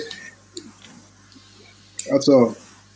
Ja, det, man kan inte ha eh, liksom, teamen som, som så pass styrande som, som de är idag. Det kommer aldrig att, att, att bli bra där det kommer aldrig att liksom lösa något, något, större problem överhuvudtaget. Så länge Mercedes och Ferrari och, och, och Renault och Honda nu och liksom försöker vara med. Så om de fyra ska komma överens om vad som är bäst för alla fyra. Ja, tjena, du, redan där så ser du problemet om du inte är blind. Liksom. Det, det, det, de ska inte bestämma hur det ska vara, de kommer bara tänka på sig själva. Du, eh, Gergej, du har ju funderat hårt över de här eh, frågorna. Ja, jag, jag tror att det ligger mycket i vad ni båda säger, men någonstans så, så jag, jag önskar att vi hade FIA som en mycket starkare ett mycket starkare och mycket mer självständigt lagstiftande organ som mycket tydligare pekade med hela handen utan att man jämt hamnade i de här kompromissituationerna. För, för jag, jag, tror egentligen inte att det är eh, rocket science att räkna ut ungefär vad sporten behöver. Men sen så behöver man ju, behöver man ju beslutsstrukturer där besluten kan fattas och faktiskt implementeras. Mm. Eh, och, och, men jag tror att det, där är jag mer på din sida Joakim, att det, det är ju rätt svårt att resonera sig fram till det där och alla ska vara nöjda längs resans gång. Jag, jag tror att man behöver mycket mer eller inte mycket mer, men lite mer diktatur som Bernie brukade, brukade efterfråga. Problemet var att när, när Bernie använde sin närmast diktatoriska makt så fattade han ofta fel beslut. Till exempel såg till att Ferrari fick ett absurt stort inflytande över sporten som helhet. Det var, det var ett av de sämsta besluten han har fattat. Ja. Så att jag, jag, jag, tror att det behöver... Jag, jag, tror att det vore bra om vi, vi eh, hade Fia som en lite mer autonom Eh, lag och regelstiftande organ som inte hela tiden satte sig i, i eh, händerna på teamen och i händerna på promotorn. Men nu har man den här grundläggande ordningen där både teamen och promotorn har extremt mycket att säga till om. Men jag, jag vet inte riktigt hur det där ska kunna ändras så länge liksom den själva grundläggande strukturen ser ut som den gör. Att ägandet är Liberties. Det, det är de som äger sporten. Ja, eh, Jakob, jag får, får svara där. För att, eh, och jag, jag, är, jag är ju inte hundra på att, eh, Fia, att Fia ska ha exakt den rollen. Jag ser dem mer som en, eh, vad ska man säga, det, det, det eh, det ska finnas någon form av ramavtal. Men för att en promotor ska vara villig att satsa de pengar och göra de investeringar som krävs för att sporten ska fungera kommersiellt så måste de ha eh, ganska mycket att säga till om hur själva reglementet utformas, alltså det som utgör själva kärnprodukten. Men det, det måste det måste göras i ett samförstånd med, med Fia. Så att jag, jag, ser, jag ser de två aktörerna som de eh, eh, två parterna som ska göra upp om hur det här ska se ut. Och de ska, de ska ju, de, de, de tar en risk men de ska skapa den plattform som teamen vill köra på, som det finns deltagare som vill köra på. Liksom. Det, det är deras uppgift. Va? Och, och, och och gör de inte ett bra jobb så faller ju produkten. Men, men om ni försöker förklara för mig och säkert andra lyssnare som inte begriper, men min andra sport jag ofta tjatar om, hockey, den är ganska enkel i, i Sverige. Du har Svenska ishockeyförbundet som stipulerar regler och spelschema och olika tävlingsbestämmelser och så vidare. Och sen beroende på vilken klass du spelar i, om du spelar i SHL eller Allsvenskan, så har du en förening, Svenska Hockeyligan, där varje klubb har en styrelsemedlem som skriver tv-avtal och så vidare, men som inte på något vis kontrollerar regler över själva sporten eller ja, eh, hur många du får ha på isen samtidigt eller ditt och datt. Hur ser det ut i Formel 1 idag? Till exempel översatt till hockeyn. Hur stor makt har till exempel Ferrari över vilka regler ska vara under en hockeymatch? Förstår ni vad jag menar? Vad är det man har satt sig i för rävsax? Ja, men det, det är ju som om Varje stad skulle bestämma liksom hur, hur långa utvisningarna skulle vara för, för AIK och Djurgården. Liksom. Det, det, de skulle bestämma liksom att ja, men om, när man spelar i Göteborg så är det helt okej att köra crosschecking. Eh, men eh, liksom att använda klubban i, i, eh, på Hovet är helt uteslutet. Det, det, är liksom så absurt som det är. Liksom. De, de bestämmer ju... De, de kan ju själva eh, diktera villkoren ganska fritt som det är uppsatt idag. För bara för vi, om de säger nej, om Ferrari och Mercedes och, och de andra säger nej, så har ju Fia och, och Liberty väldigt lite att säga till om egentligen. Så det är Ferrari och Fia som äger, eller Ferrari och Mercedes som äger sporten? Ja, men det, det, det är ju så här, Ferrari har ju veto. Ja. Faktiskt. Som Fast jag kan inte tro att det är sant. De, de, de, men... kan ju, de kan ju säga nej. Eh, till vilket jävla förslag som än kommer. Men eh, det, det, det, även om det är så på pappret så är, har ju även eh, Mercedes i praktiken veto. och nu, nu, nu byter Gerge keps här och tar på sig Ferrari-kepsen. det var skönt. Ja, berätt, hur förhandlar du fram det här, Gerge? men... ja, nej, men eh, nej, jag vet inte. Jag, jag tror att eh, eh, det, det Liberty måste göra är ju att våga förlora någon av eh, de stora teamen. Det, annars så kommer de aldrig komma, komma fram till några vettiga beslut. Problemet med Ferrari är också inte bara att de, de uh, har ett veto över de riktigt viktiga besluten, utan de kör ju i princip gratis. Alltså deras program kostar dem inte ett skit. Det är det enda, en, förmodligen det enda teamet vars tävlingsverksamhet är helt kostnadsneutralt. Det kostar dem ingenting för de drar in så mycket pengar på, på, på sponsring och på merchandise och så här reklamskit man kan köpa överallt. Så att det, för dem så spelar det ingen större roll egentligen hur det går sportsligt. För dem spelar det ingen större roll vilka, vilka regler de, de väljer att spjärna emot och stoppa. För att de, de går i värsta fall plus minus noll på, på det de sysslar med. Och det, det är ju inget annat stall som har en sån privilegierad position. Och redan där så förs ju någonting in i sporten som gör att relationen mellan teamen och mellan teamen och sporten i stort blir ju helt pervers. När, när det är inte bara det att det finns en viss ojämlikhet för att teamen har olika mycket resurser. Självklart är det så. Det, det är en, så fort man drar in ekonomiska resurser i sport så, så hamnar man i en sån situation. Det, det, finns också i hockey, det finns också i fotboll. Vissa, vissa lag är mer, mer välbärgade och har lättare att attrahera sponsorer än andra. Men i Formel 1 så har det här blivit så himla en del av sporten så att det verkligen inte är till, till, till gagn för sporten. Utan långsiktigt så tror jag att det, det, det är väldigt eh, väldigt destruktivt för vad, vad jag tror att de allra flesta av oss uppskattar med sporten. Um, utifrån det resonemanget, vad, vad är viktigast tycker du då? Budgettak eller en annan fördelning av pengar? Jag, jag, tror att ett budgettak kan vara, kan vara nog det, konstigt nog det enklaste steget. Även om en av standardinvändningarna mot budgettak brukar vara att, att ja, men det går aldrig att kontrollera. Jo, men jag tror faktiskt att det gör det. Jag tror att det finns, det finns vägar att gå och jag tror att redan nu så sker det eh, väldigt många detaljkontroller kring teamen som, eh, som man som utomstående inte riktigt tänker på. Väldigt mycket av det de sysslar med är redan nu extremt kontrollerat.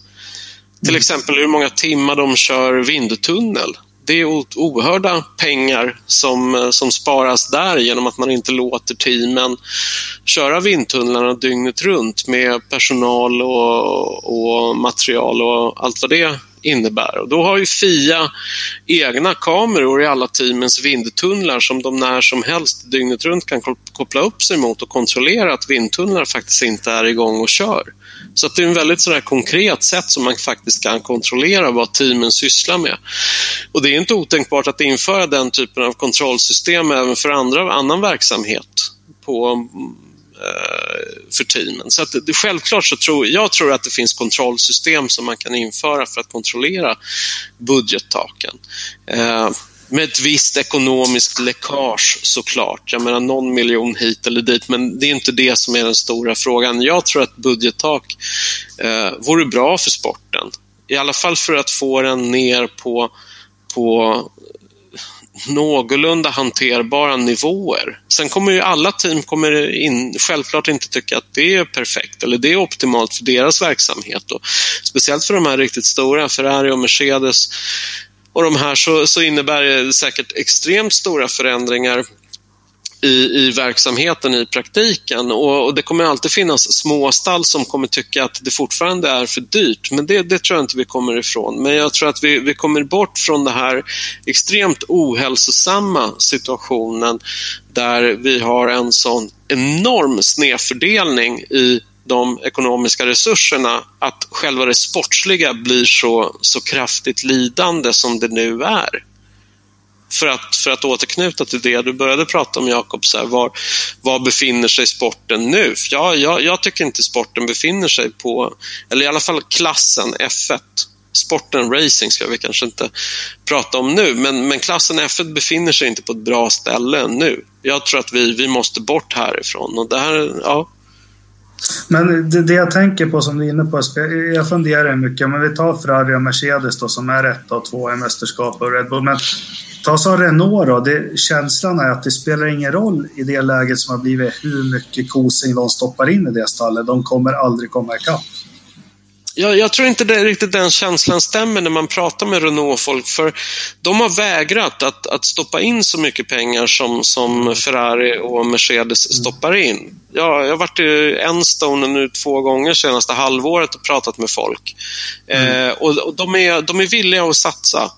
Men, mm. eh, men de är rätt öppna med att vi, vi ser de närmaste åren eh, som, som vänteår i väntan på budgettak. Och då kommer vi satsa mm. max vad man kan satsa. Det är, då vi kommer, det är då vi vill vara i en situation då vi faktiskt på någorlunda jämna villkor kan börja utmana om segrarna. Vägen dit är någon slags transportsträcka. Så jag, jag, tror att deras budget idag är ju fortfarande en bråkdel av vad, vad Mercedes och Ferrari satsar. Jo, men det var det jag uttryckte med klumpet. Utan det jag menade var att även om de vräkte in pengar just nu så tror jag inte de skulle komma ikapp. Utan man, man måste invänta något nytt där för att kunna mm. göra rätt investeringar.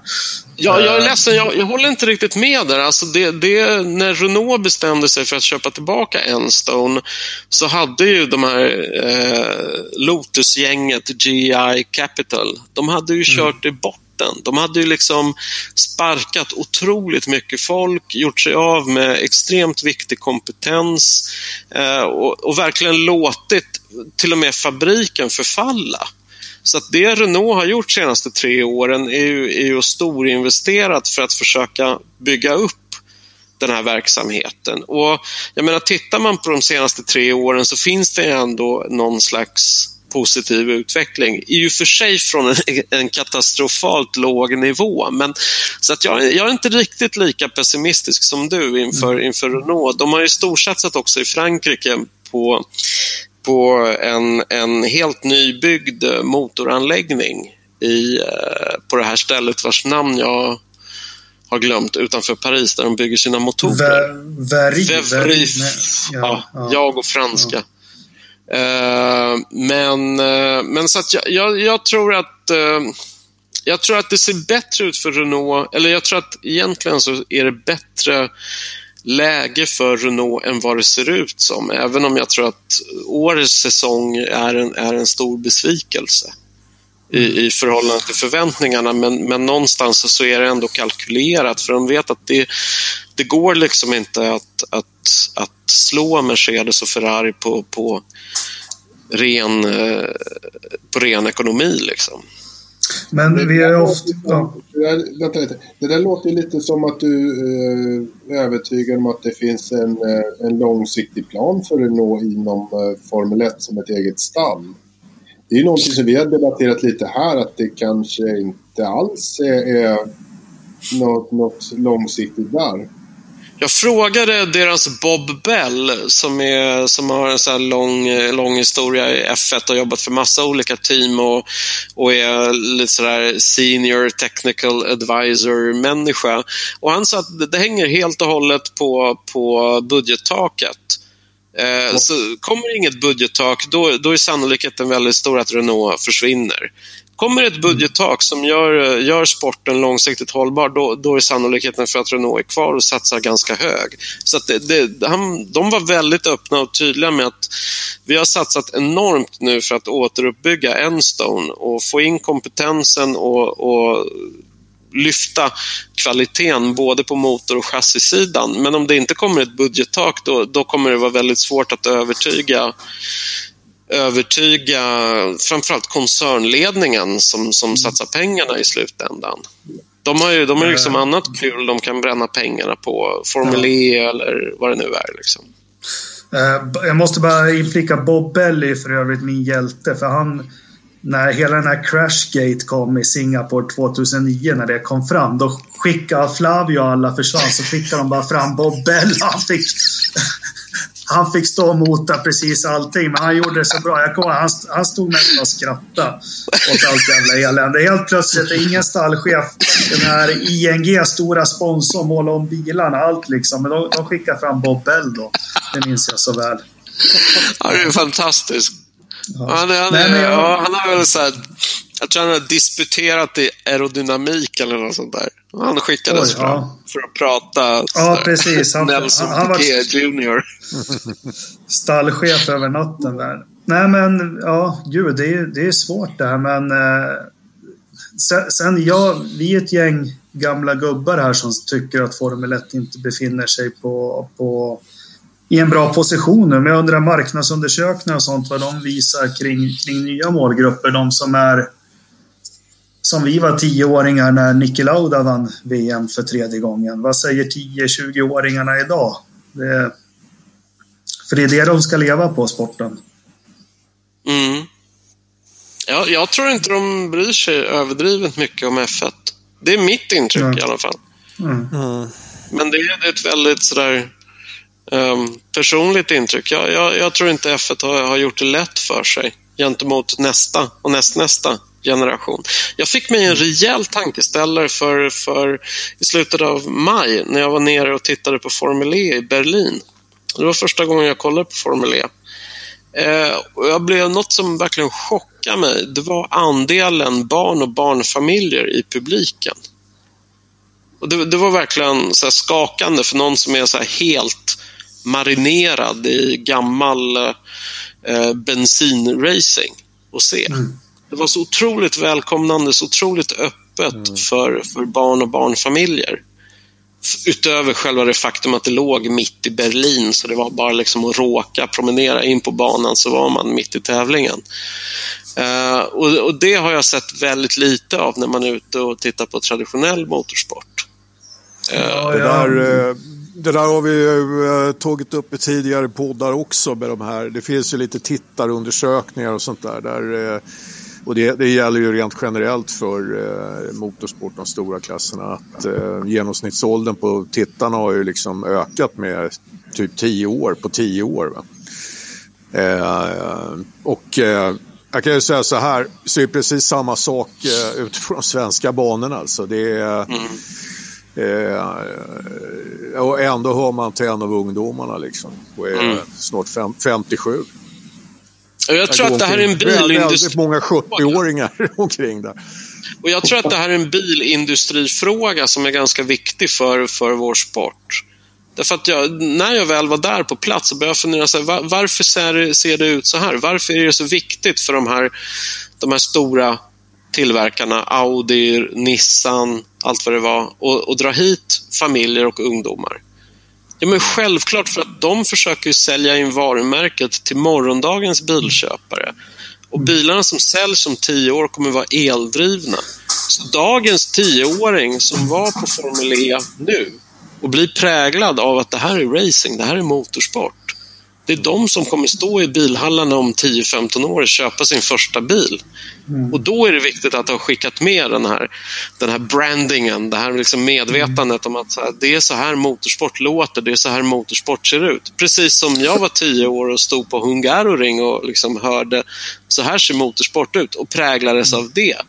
Så det, det, här, här, tror jag att Formel 1 mm. riskerar att i alla fall långsiktigt, inte på kort sikt. Jag menar, kollar man så är ju läktarna välfyllda trots att biljettpriserna är hutlösa. Men jag tror på lång sikt så, speciellt om inte, om inte det sportsliga är särskilt spännande heller, då, då tror jag att det finns en risk att, jag menar, även vi gamlingar tröttnar. Men det är ju, jag har ju en 11-åring hemma. Jag vet, det har jag också sagt i första poddavsnittet. Men Formel 1 blev för mig, det var ju att pappa hade en BMW 518. Vi åkte och tittade när jag var sex år på Nelson Piquets VM-vinnande Brabham. Den stod i bilhallen i Köping. Med oss hem så fick vi en gigantisk plansch ja, på Nelson Piquet när han kör ett lopp och vinner. Och så står det på svenska att motorn i den här bilen kommer från samma motorblock som i en BMW 318 518. En sån vi hade. Då var det en närhet för mig till mm. det här superextrema, bilen på garaget. Och det blev det på skolgården. Jag hejade på BMW, alla som hade Volvo var idioter och hej och, och det, här, ja, men det här märker jag med min son till exempel. Det är en sån sak med Formel 1. Att, att pappa har en podd och pratar om Formel 1. Det är ingen av hans kompisar som har en jävla aning om vad Formel 1 är. In, alltså inte ett dyft, inte ett dugg. Och jag kan tänka mig, nu, nu ska jag inte göra mig roligt här, men du som är ännu äldre som växte upp och var ung när du hade eh, Ronnie Pettersson och Gunnar Nilsson och alla i skolan i Sverige visste väl vilka de här var och vad de körde och hur tufft det var. Mm. Ja, nej men eh, det, det, är klart att det har hänt grejer och jag är jävligt orolig för eh, racingens framtid, alltså den, den racing som precis med förbränningsmotorer. Eh, jag, tyck, jag tycker trots allt att den har ett eh, underhålls, underhållningsvärde som eh, elracing aldrig kommer att kunna ersätta. Det, det, finns någonting i, eh, i den här upplevelsen av eh, motorljud alltså som förmedlar liksom en kraft som, som elracing aldrig kommer att kunna göra. Och ja, Det ligger väldigt mycket i det som Gerger säger, liksom, att bilindustrin är ju jävligt viktig här. Eh, Eh, och, och, då är lite grann problemet, eh, jag tror att om, om racing med förbränningsmotorer och vi ska fortsätta få se F1 med förbränningsmotorer och inte enbart elmotorer ska överleva, då måste man någonstans börja släppa det här beroendet till eh, bilindustrin och utveckla produkten som ren underhållning. Eh, för annars så eh, tror jag tyvärr att eh, eh, den, den, den, kom, den kommer liksom på något sätt att försvinna i, i den här övriga elracingen och den kommer kanske ha en publik framöver. Men det, det kommer ju inte vara jag, det kommer inte vara en del andra. Alltså många kommer att tappa intresset. Va? Och det, sporten kommer att ha förvandlats till något annat. Så att om vi är måna om att den, den ska vara kvar i något som eh, i alla fall liknar det, den racing som vi växte upp med, ja, men då, då måste något annat ske här. Ett, man måste inta ett nytt förhållningssätt till, till motorsport. Mm. Ja, men jag står fast vid min käpphäst. Bilarna måste väga 500 kilo. Eh, inga asfaltsavåkningszoner. Inte 600 vingelement på framvingen. Det räcker med ett eller två. Alltså, gör det lite enklare. Eh, jag vill ha som du är inne på Ternström, jag tror att man måste gå till det här till privata konstruktörer ännu mer sen. Jag vet inte fan, enhetsmotor som Cosworth om det är något bättre än något sånt. Men eh, förenkla allting. Och vi kommer prata mer om det sen, för nu har vi hållit på jättelänge. Vi har ju tagit oss igenom här halvtid i Formel 1, lite silly season. Sen har vi pratat lite om vad problemet med Formel 1 är och hur vi vill att det ska se ut. Men vi har ju den andra klassen som börjar bli jätteintressant i Sverige och det är Indy. Eh, det är halvtid i Indycar här nu också. När är det de kör nästa lopp? Det är helgen som kommer. Just det. Toronto. Ja. Toronto. Ja, Toronto är det. Så sa vi. Men vad, vad ska vi säga där halvtid? Vi, vi fokuserar väl lite på våra svenskar, Marcus och Felix. Eh, eh, det känns som det går in i ett viktigt skeende för dem. Det känns som att Marcus kanske går in med lite mer medvind, eller? Ah, inte sen senaste loppen, men vad, vad tror vi om avslutningen? Ridderstolpe, du får börja. Ja, alltså det är viktigt. Det är, hur de kommer igång nu i andra halvan eh, kommer bli jävligt viktigt för dem båda två. Eh, faktiskt. För att det... Dels så, Felix började ju starkt i, i säsongen. Första racet var ju toppenbra, liksom verkligen var med där uppe och fightade. Så de första racen var han också med eh, bra där bäst hela tiden. Sen, sen kom han in i ovalracingen och, och tappade bort sig, eh, sig själv någonstans där på vägen i alla vänsterkurvorna. Eh, och sen har han inte riktigt där studsat upp igen, eh, känns som. För att han, han, har liksom, han, han tappade ner sig lite där. Han behöver komma tillbaka till samma nivå som han hade i början på säsongen för att verkligen bli säker på att sitta kvar där bredvid Scott Dixon. Ehm, tror jag. Jag tror att han, kommer han inte sitta där så kommer han nog sitta i ett annat stall eh, nästa år. Jag, jag, tror att han har imponerat så pass på övriga eh, team där. Så att om han inte sitter i en Ganassi-bil så må det vara hänt i nästa säsong. Jag tror att han har en, en, en mångårig karriär i Indycar. Det, det här är nog hans, hans hem, skulle jag säga. Han känns som att han har kommit hem lite grann nu. Marcus behöver rycka upp sig om vi byter till honom. Han behöver fortsätta den här, den här eh, streaken han hade där med ett bra Indy. Eh, han tog pallplats i, i Detroit och gjorde det bra sen eh, efter också i Texas. Va? Så att, och Marcus har ju visat sig att ovalen var ju faktiskt lite grann av hans grej. Han, han verkade faktiskt hitta hitta flytet där ganska snabbt och bra. Så att, eh, han, det är mer så här, hålla i och fortsätta den, den, eh, den, den sving han var uppe i nu, liksom när, när vi tog lite paus. Men, men de måste börja rätt nu till hösten. Bara för om de bägge två börjar lite halvkackigt och det fortsätter gå halvkackigt. Då vet du fan hur, hur det är. Jag tror inte att Marcus kommer ha lika stora chanser att sitta kvar som Felix verkar ha just nu i alla fall. Jag tror Felix har imponerat mer än Marcus så här långt på övriga team. Gergej, vad tycker du om Indycar-säsongen så här långt? Följer du den nära? Ja, jag följer den. Jag följer den kanske inte lika slaviskt som Formel 1, det gör jag inte, men det har jag aldrig gjort. Eh, men det har blivit väldigt mycket, mycket mer med Marcus och Felix. Jag, jag, tycker det har varit en väldigt bra säsong och det, det har varit kul att följa Indycar så pass, så pass eh, tätt ändå som jag har gjort i år jämfört med tidigare år parallellt med Formel 1. För det har, det har verkligen så belyst problemen med Formel 1 på, på ett eh, ibland smärtsamt sätt. Jag, jag, tror att det, Indycar får ju till vissa, vissa delar av showen så sjukt mycket bättre än vad Formel 1 vi tar. Vi, vi, tar den direkt då från ditt perspektiv, för det är en punkt här. Liksom, vad, mm. vad har Indycar, du som har börjat följa den nära, som, som Formel 1 genast borde ta över till sig?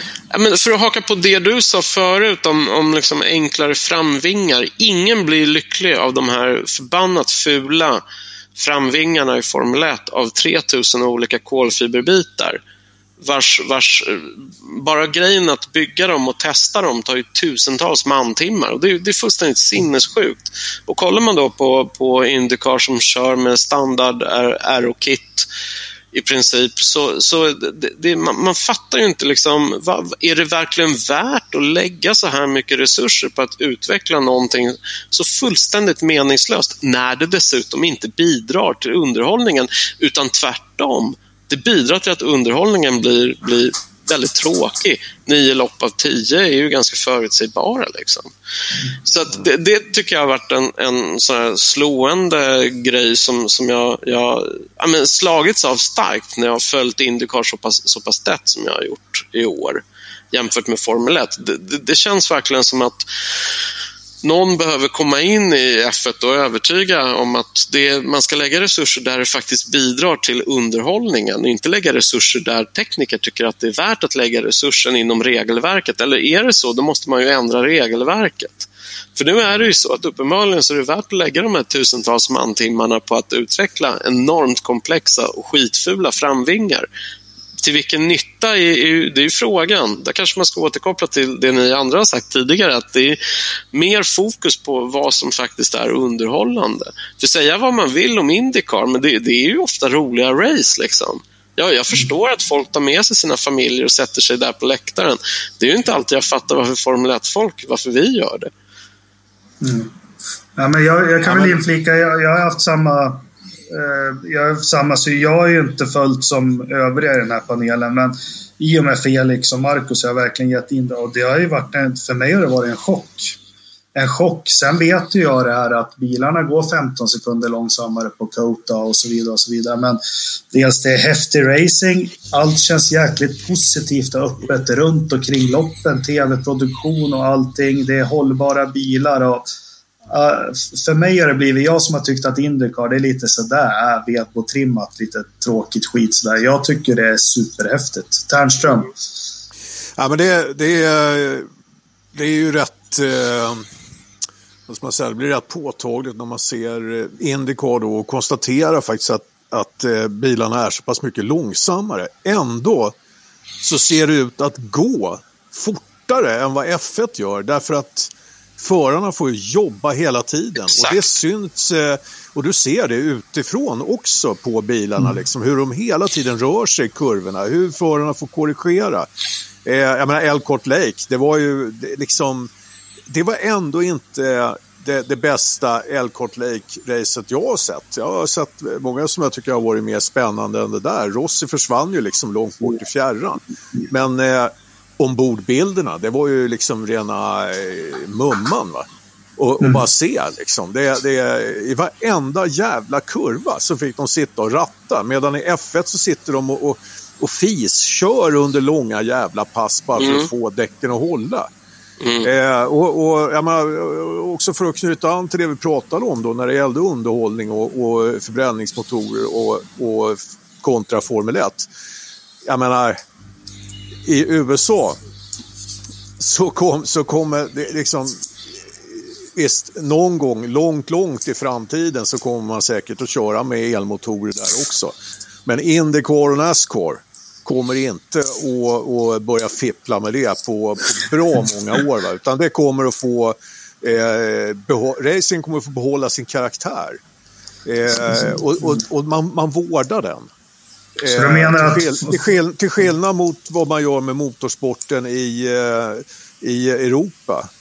Eh, där man hela tiden ska liksom på något sätt eh, eh, så, är det el som är framtiden, säger man, överallt. Samtidigt så kackar man liksom på den racing som finns idag. Den blir ju med, med eh, eh, blir ju underförstått eh, forntiden, det vi inte ska satsa på. Och det, det tycker jag är så jävla synd därför att någon måste liksom hålla den fanan högt och någon måste stå upp för det som en underhållning. Liksom, annars så kommer den att dö. Annars så blir det bara... Eh, annars får vi liksom lägga ner racingen. Vi får, den kommer att gå in i en jävla svacka liksom, där, där det kommer att handla om elracing. Och det, det tror jag kommer att dröja länge innan den kommer att ha samma eh, underhållningsvärde för folk som racing med förbränningsmotorer. Så du tror inte på ett Formel E-lopp i Texas närmsta två åren? Ja, men det, det, det kommer säkert att komma. Man kommer att kunna köra Formel E i stadskärnor och annat. Va? Och man kommer att hitta en annan publik. Och sån här som Ridderstolpe som, som grillar grönsaker och, och kallar Ja, det hamburgare. Ja, ja, ja. Men, eh, men eh, den, den publiken är ju inte vi. Jag tror att det kommer fortfarande eh, att- finnas en målgrupp för den typen av, av eh, motorsport. Men eh, vi, den kanske inte är tillräckligt stor för att vara intressant för biltillverkarna och därför bör man liksom släppa den kopplingen tror jag. Eh, Problemet är ju också att biltillverkarna har, har varit så otroligt dåliga på att lyfta fram motorsportens positiva effekter. Ja, ja. Eller, Absolut. okej, de har åtminstone inte varit tillräckligt bra på att lyfta fram motorsportens positiva effekter. Jag är personligen mitt i all den här klimathysterin vi numera permanent befinner oss i. Jag är övertygad om att till exempel den tekniska utvecklingen inom den absoluta eliten av motorsport har en netto positiv effekt på dagens bilar när det gäller utsläpp på alla sätt och vis. Man har helt enkelt genom att, att tillverkare och konstruktörer tvingats förfina sina konstruktioner genom motorsporten så går det säkert att beräkna antalet procent man därigenom har bidragit till att dagens bilar drar mindre, förbränner mindre, släpper ut mindre. Men, men att få den breda allmänheten att fatta den kopplingen är väldigt svår. Det är därför man blir så deprimerad när man läser insändare om att ja, men all motorsport borde förbjudas därför att man släpper utsläpps bla bla bla bla. bla. ja. Jag, ber- det är Eh, det som jag berättade för mig. Ja, ursäkta Jocke. Fortsätt du Jockiboi. Ja, jo, nej, men där, eh, där kan jag säga att eh, där var vi faktiskt lite av föregångare i STCC. Eh, under åren, eh, vad kan det ha varit där, 2008 till eh, 2012. Eh, STCC var ju först i världen med att införa etanol som, eh, som bränsle i racingen. Först eh, med biogas. Eh, och eh, vi hade ett bra undantag när det gällde bilindustrin, när det gällde att marknadsföra motorsport och de värden man fick ur genom Volkswagen och biogassatsningen man gjorde. Eh, och under de här åren så var det faktiskt att det, det såldes eh, tror jag, f- eh, 5 000 fler gasbilar. Eh, eh, tack vare den satsningen man gjorde på STCC. Plus att eh, det fanns också en eh, direkt eh, återkoppling eh, när det gällde eh, förbränningen. Eh, förbränningstekniken som eh, sedermera liksom hamnade i, i eh, de gasdrivna vardagsbilarna. Så att eh, det har man ju varit, eh, men annars så har man varit jävligt dålig. Och, men grejen är också, vi skulle kunna slå oss för bröstet och kunna säga att vi kan köra med förbränningsmotorer. Därför att motorsporten är jävligt duktig i övrigt på eh, miljötänk. Alltså. Det är, eh, och det finns många andra aspekter förutom just själva förbränningsmotorerna där man kan jobba med miljö inom motorsporten. Så att eh, jag, ser, jag ser fortfarande att man man skulle kanske inte behöva ha, man, man, man, behö, man behöver inte sätta sig knät på bilindustrin. Eh, man måste våga ta det steget att eh, stå på egna ben som en underhållning. Men det kan man, det kan man fortsättningsvis göra med gott miljösamvete.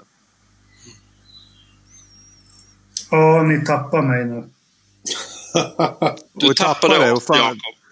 Ja, nej, men, du sitter nej, lite... Miljö... Brum, brum. Det ska låta och bolma. Nej, men, ja, men de har ju varit skitdåliga. Min svärfar, bilmekaniker, 45 år, kan allt om motorer jätteduktig. När jag visade honom, det är inte länge sedan, verkningsgraden på Mercedes nya Formel 1-motor. Då vart det han bara Va? Det här är inte, det går inte, det är inte sant. Mm, exakt, det är så folk uh, brukar reagera. Ja, och, det, och det kanske man är lite, jag vet inte om man får med kidsen liksom att de blir, blir lockade och sånt där. Men tillbaka till vad fan, vi, vi var ju i Texas nyss och grillade en massa och, och, och så börjar Ridderstolpe snacka om sina väggoburgare och Formula E nu och, och allting. Vad fan. Ja, ja. Det, herregud. Eh, Gergej, Felix, Felix och Marcus Gergej. Eh, ja. vad, vad tycker du om deras insatser så här långt? Eh. Jag tycker båda får Ska, ska vi sätta betyg på dem? Ja. ja. Okej. Okay. Båda får svagt godkänt. Så här långt. Så tre minus. Jag tycker båda är rookies. Felix är ju bästa rookie just nu. Och han har definitivt chansen att behålla den positionen och då tycker jag att han, man får ju vara nöjd. Men jag tror framförallt Felix har ju varit så enormt höga förväntningar på. Han har ju liksom mm. varit så otroligt duktig på att komma in och, och, prestera väldigt snabbt i vad han än har kört. Och det gjorde han ju i Indycar också. Som Christian sa, eh, från början väldigt stark och sådär. Eh, men sådär sammantaget första, första säsongshalvan känns som ett ja med tanke på de höga förväntningarna. Och det tror jag Felix känner själv också. Jag tror att hans, eh, hans, hans önskade lägsta nivå är egentligen högre än vad han har visat hittills. Så jag, jag, tror att han liksom har mycket högre potential än, än vad han har hittills kunnat visa. Eh, så jag, jag, jag tror han definitivt kan, kan lyfta sig, men säg en svagt godkänt. Och lite samma Marcus, sak med, med Marcus, att där var det kanske tvärtom. Att där har ju... Eh, Marcus är ju en slow starter. Han, är, han behöver liksom... Åh, bli, fan. bli trygg i vad han nu sysslar med. Och, och det tar ju tid. Och han vet om det själv. Han har sagt det själv när jag har pratat med honom. Att han, han vet ju att han är, han har ju, det tar ju tid för honom. Eh, och med tanke på det, plus de ganska låga förväntningarna som jag tror de allra flesta har haft på honom, så, så tycker jag ändå att så här sammantaget så ser det ut som att det finns, det finns en positiv kurva i, i vad Marcus sysslar med i USA i år. Eh, sen får vi se hur långt den positiva kurvan räcker. För man kollar vilka rookies han har framför sig så är det, det är Colton Hurta, det är Santino Ferrucci och det är Felix Rosenqvist. Det är de tre rookies han har framför sig om vi i första hand ska jämföra Marcus insats med de andra rookiesarna. Så det, han har ju väldigt, väldigt tufft motstånd framför sig. För att liksom lämna ett avtryck och vara bland de, säg topp två, topp tre bästa rookiesarna i klassen. Så att han har definitivt ett tufft jobb. Å andra sidan så har han inte så många eh, bakom sig. Eh, om man tittar på vilka andra rookies det är i fältet så, så är det inte så många han har liksom, som har realistiska chanser att, att utmana honom. Eh, just nu i sammanställningen så är han så fjärde bästa rookie och jag, jag, tror nog att han behöver rycka upp sig lite eh, i, i den sammanställningen för att bli långlivad i Indycar. Men jag hoppas att det går. Jag hoppas att det går bra. Vem, vem ska man ha högst ställda förväntningar på egentligen? En kille som kommer med 100 Grand Prix i ryggen eller en som har kört lite Formel E och Formel 3 och grejer. Det, det är det här jag kan tycka blir orättvist mot Felix ibland. Mm. Felix är, har ju på något sätt gjort, uh, gjort tvärtom mot Marcus. Han har inte varit en slow starter, utan mm. förutom i Formel 3 så har han väldigt snabbt lyckats slå sig in i toppen. Jag, jag, jag tror att Felix är ju, är ju alltså en av sin generations starkaste förare, tror jag. Och hade han fått en F1-chans så tror jag att han hade, han hade definitivt gjort bra ifrån sig. Jag tror att egentligen nu när man tittar tillbaka på, på Felix hittillsvarande karriär, enda, enda bristen eller svagheten jag kan hitta, det var att han tog lite för många år på sig att vinna F3-EM. Eh, mm. Det, det, och det var, inte, det var inte bara på grund av honom, det var på grund av teamen han körde för.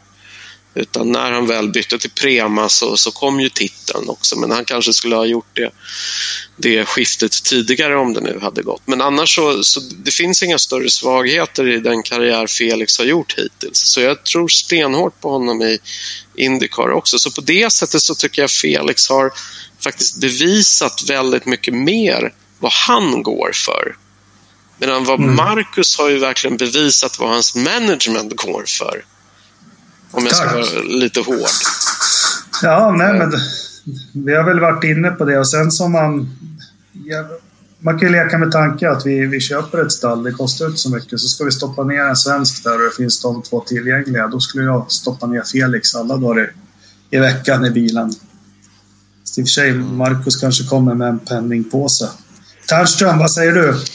Jo, nej men... Eh, ja, vad ska jag säga? Ja, men förväntningarna har varit jävligt höga på Felix och han inledde eh, jävligt starkt, precis som eh, ni alla har varit inne på.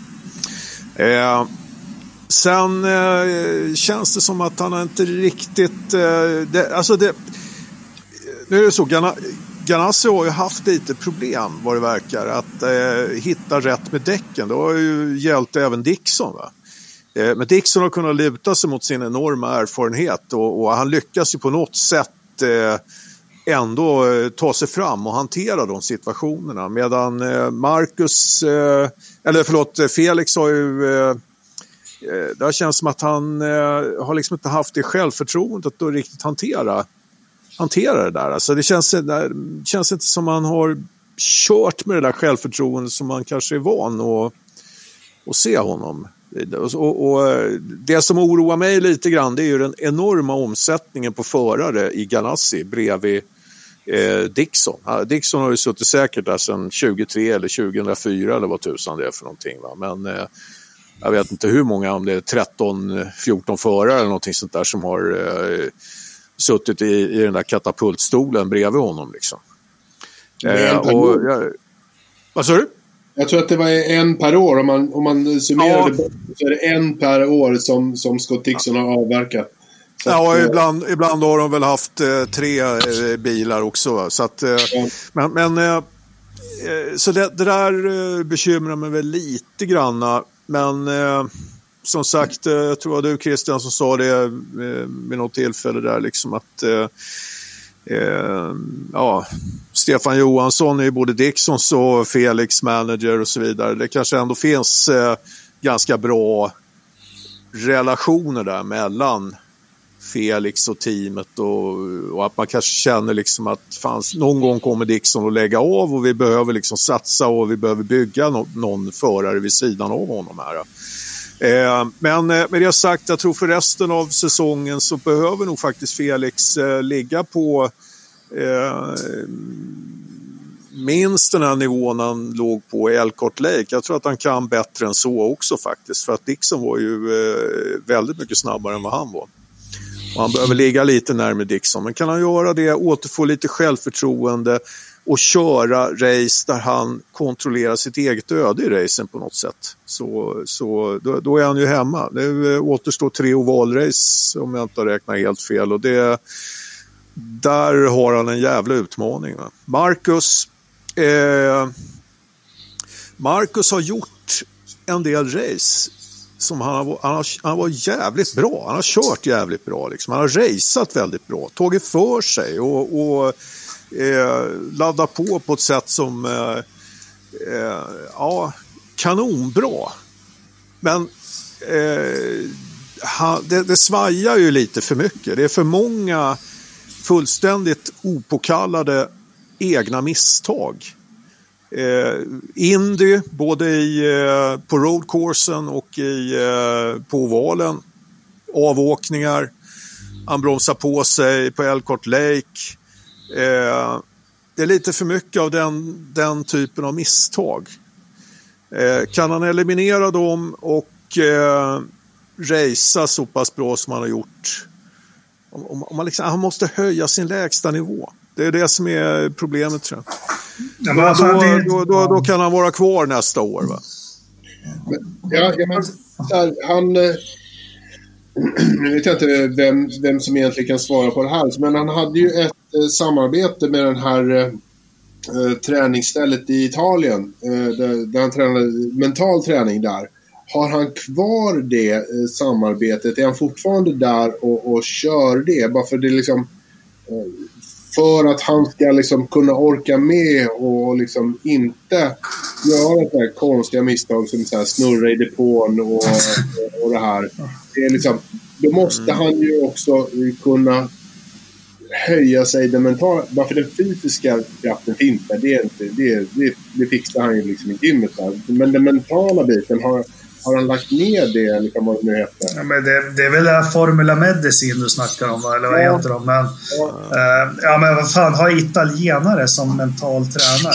Man ser hur det går, ser hur det går för Ferrari. Det, ja, men jag vet ja. inte vad de... De var, väl inte så in, de var väl inte så inriktade på det mentala, uh, utan det var väl mer fysiskt mentalt ihop och så, men... Uh, här är ju machokulturen i motorsport. Jag är ju inte med bakom kulisserna som ni är, men jag förstår inte att det inte finns fler förarcoacher alltså med det mentala. Och, det är väldigt sånt. individuellt. Alltså, min erfarenhet är att vissa förare tror stenhårt på dem och vissa mm. avskyr dem. Två jag har pratat med som har varit väldigt öppna om vad de tycker om det här är eh, Ted Björk. Mm. Älskar sin förarcoach. Har mm. jobbat med samma person i, nu kommer inte ihåg, i många, många år. Eh, och regelbundet använder sin coach just för att lyfta det mentala. Och har det som en väldigt så här, integrerad del av att vara racerförare är att man använder sin mentala coach för att hantera det som är tufft. Och när jag pratade med Ted så lyfte han fram honom som, som coachen var en viktig del av, av den säsongen då han tog VM-titeln. Mm. Frågar man Joel, Joel Eriksson, är det, jag har sällan varit, eller sällan intervjuat någon som blivit så engagerad av något han verkligen kände starkt emot hade absolut ingen som helst eh, känsla för att vilja prata med någon utomstående om, om hur det känns eller hur det funkar eller hur, hur det går till att åstadkomma ett resultat. Eh, så jag, jag, tror att det är väldigt individuellt. Jag, jag vet faktiskt inte hur mycket Marcus har, har jobbat på det sättet Nej, på den men, mentala biten. Men, men kommer, kommer ni inte ihåg 1999 när Formel 1 på TV4, Eje Älg fick ju springa från micken ner och coacha Ricciardo Sonta ibland? Ja, då. Ja, det... Ja, men det, han var ju förarcoach till honom. Eh. Alltså, det var väl Ricardo Sontas minsta problem var väl den mentala. ja, nej, men han var ju förarcoach. Sen, sen ska jag inte prata mer, men det är ju väldigt, väldigt många, men de skyltar inte med det, som åker till Rob Wilson på hans gamla flygfält och, och, och lär sig att köra. Vad är det de får köra? En Opel Kadett där mellan och däck? Ja, det är, det är inte bara, vad ska man säga, men det är, det är ju rent praktisk. Eh, mm förarcoachning där. Men jag, jag, skulle vilja återkoppla faktiskt till det vi var inne på och som, när du intervjuade Jacques Villeneuve där, Gergi. Och det, det är just, jag, jag, jag, tror att för Marcus så kan nog omställningen mellan F1 och eh, Indycar vara jävligt stor alltså. För att eh, man förlitar sig inte alls lika mycket på data på samma sätt som man gör i F1. Man håller inte på och analyserar överanalyserar liksom. Utan, eh, och, eh, jag pratade med Mattias Persson ju, som är, är Felix eh, press, presskille och han, han berättar ju liksom att, att eh, det, det är väldigt mycket mer eh, för, föraren får liksom ta man gör förändringar på bilen och sen får föraren gå ut och köra. Liksom. Han, han får fan med ratta liksom, och, och, och gasa. Mm. Det handlar mycket mer om det, att eh, hitta den känslan, liksom, än, mm. än att hålla på och analysera en massa dataloggar i all jävla evighet. Mm. Jag tror att Marcus är lite, eh, och det kan jag bara spekulera i, men jag tror att, att den här europeiska racingskolan som han har gått i och Formel 1, där är, blir man mycket mer präglad av det här, liksom, att man ska mm. hitta lösningen liksom, i dataloggarna. Liksom, mm. När det egentligen handlar om känslan ute på banan. Så kan det säkert vara. En, en rolig grej som Jacques Villeneuve sa förresten när vi pratade om Marcus var att hans intryck var och, av Marcus att Marcus trivdes väldigt bra i högfartskurvor. Eh, och hade tydligen sagt själv att han, han kände sig starkare i högfartskurvor och, och, det var en anledning till varför Jacques Villeneuve såg fram emot att se vad Marcus kan åstadkomma på ovalerna. Och ärligt talat, jag tycker att Marcus har varit, med tanke på att han är rookie, så har han klarat sig bra på ovalerna. Det där har han liksom visat styrka. Men det där kommer jag ihåg när han körde F2, eller GP2 hette det då. Det kan man ju skratta lite åt. Så här. Men då, då sa ju alltid Eje och han att när de kom till spa, att det här passar Marcus. För han är, han är bra i snabba kurvor. Men alla dataloggar visar ju Ternström att det är i långsamma kurvor man vinner tid. Så, ja. Det är bra att han är ja, alltså, stark. Det, det, det, det, går ju inte att hålla på sådär och prata om hemma, vara bra på hemmabanor eller vissa ja, banor trivs man på. Jag menar vad fan, du ska vara hela paketet.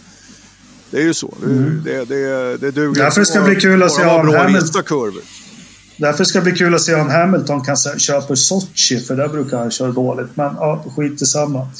Uh, det var något jag tänkte på när vi, hade, när vi pratade Indycar här. För jag har, jo, en fråga till. Nu, vi har hållit på alldeles för länge nu. Uh, vad, vad, kan Indycar göra för att spetsa till det här lite mer? Nu har de ju fått ett intresse i alla fall från oss i, i nordliga Sverige och så. Vad, vad, skulle Indycar behöva spetsa till lite för att ta lite steg i Europa och, och, och få lite fler Formel 1-fans att gå över till Indycar helt ridderstolpe?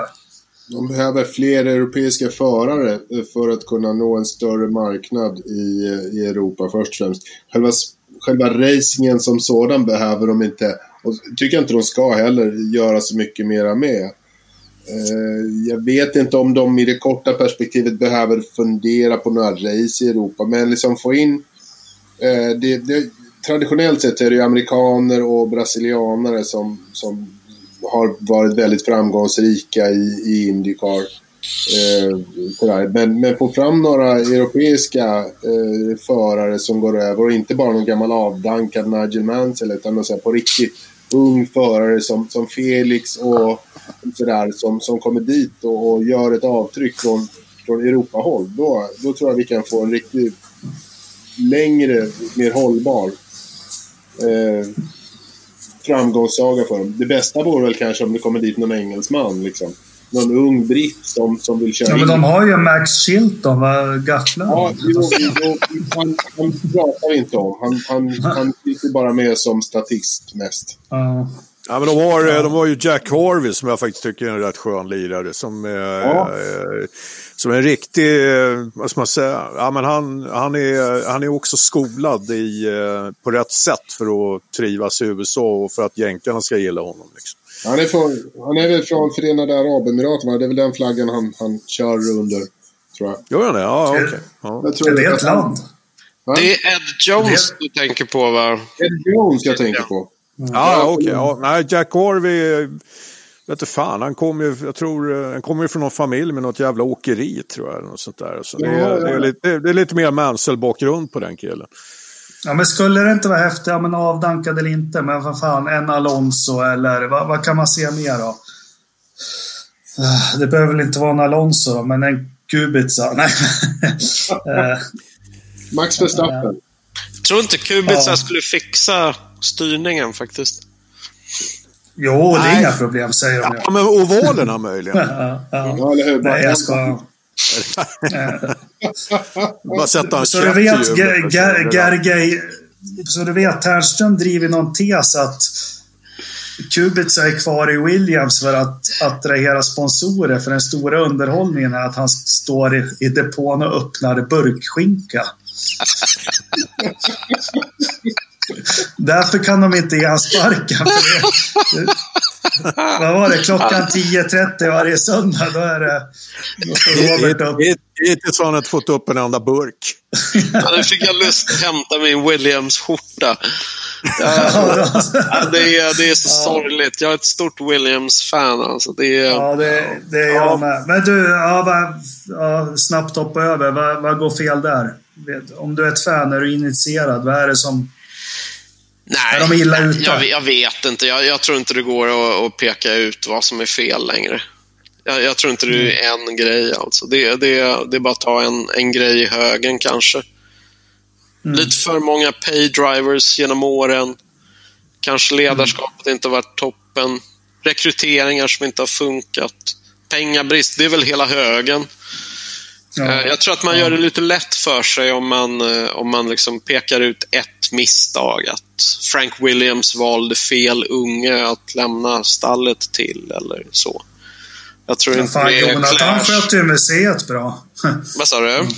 Jonathan sköt ju museet bra och verkar Ja, må bra och precis. trivas. In, Men det är, jag tror att det är lite för lätt att göra lite lätt för sig och säga att Nej, men det är för Claire fattar inte det här för att hon är kvinna.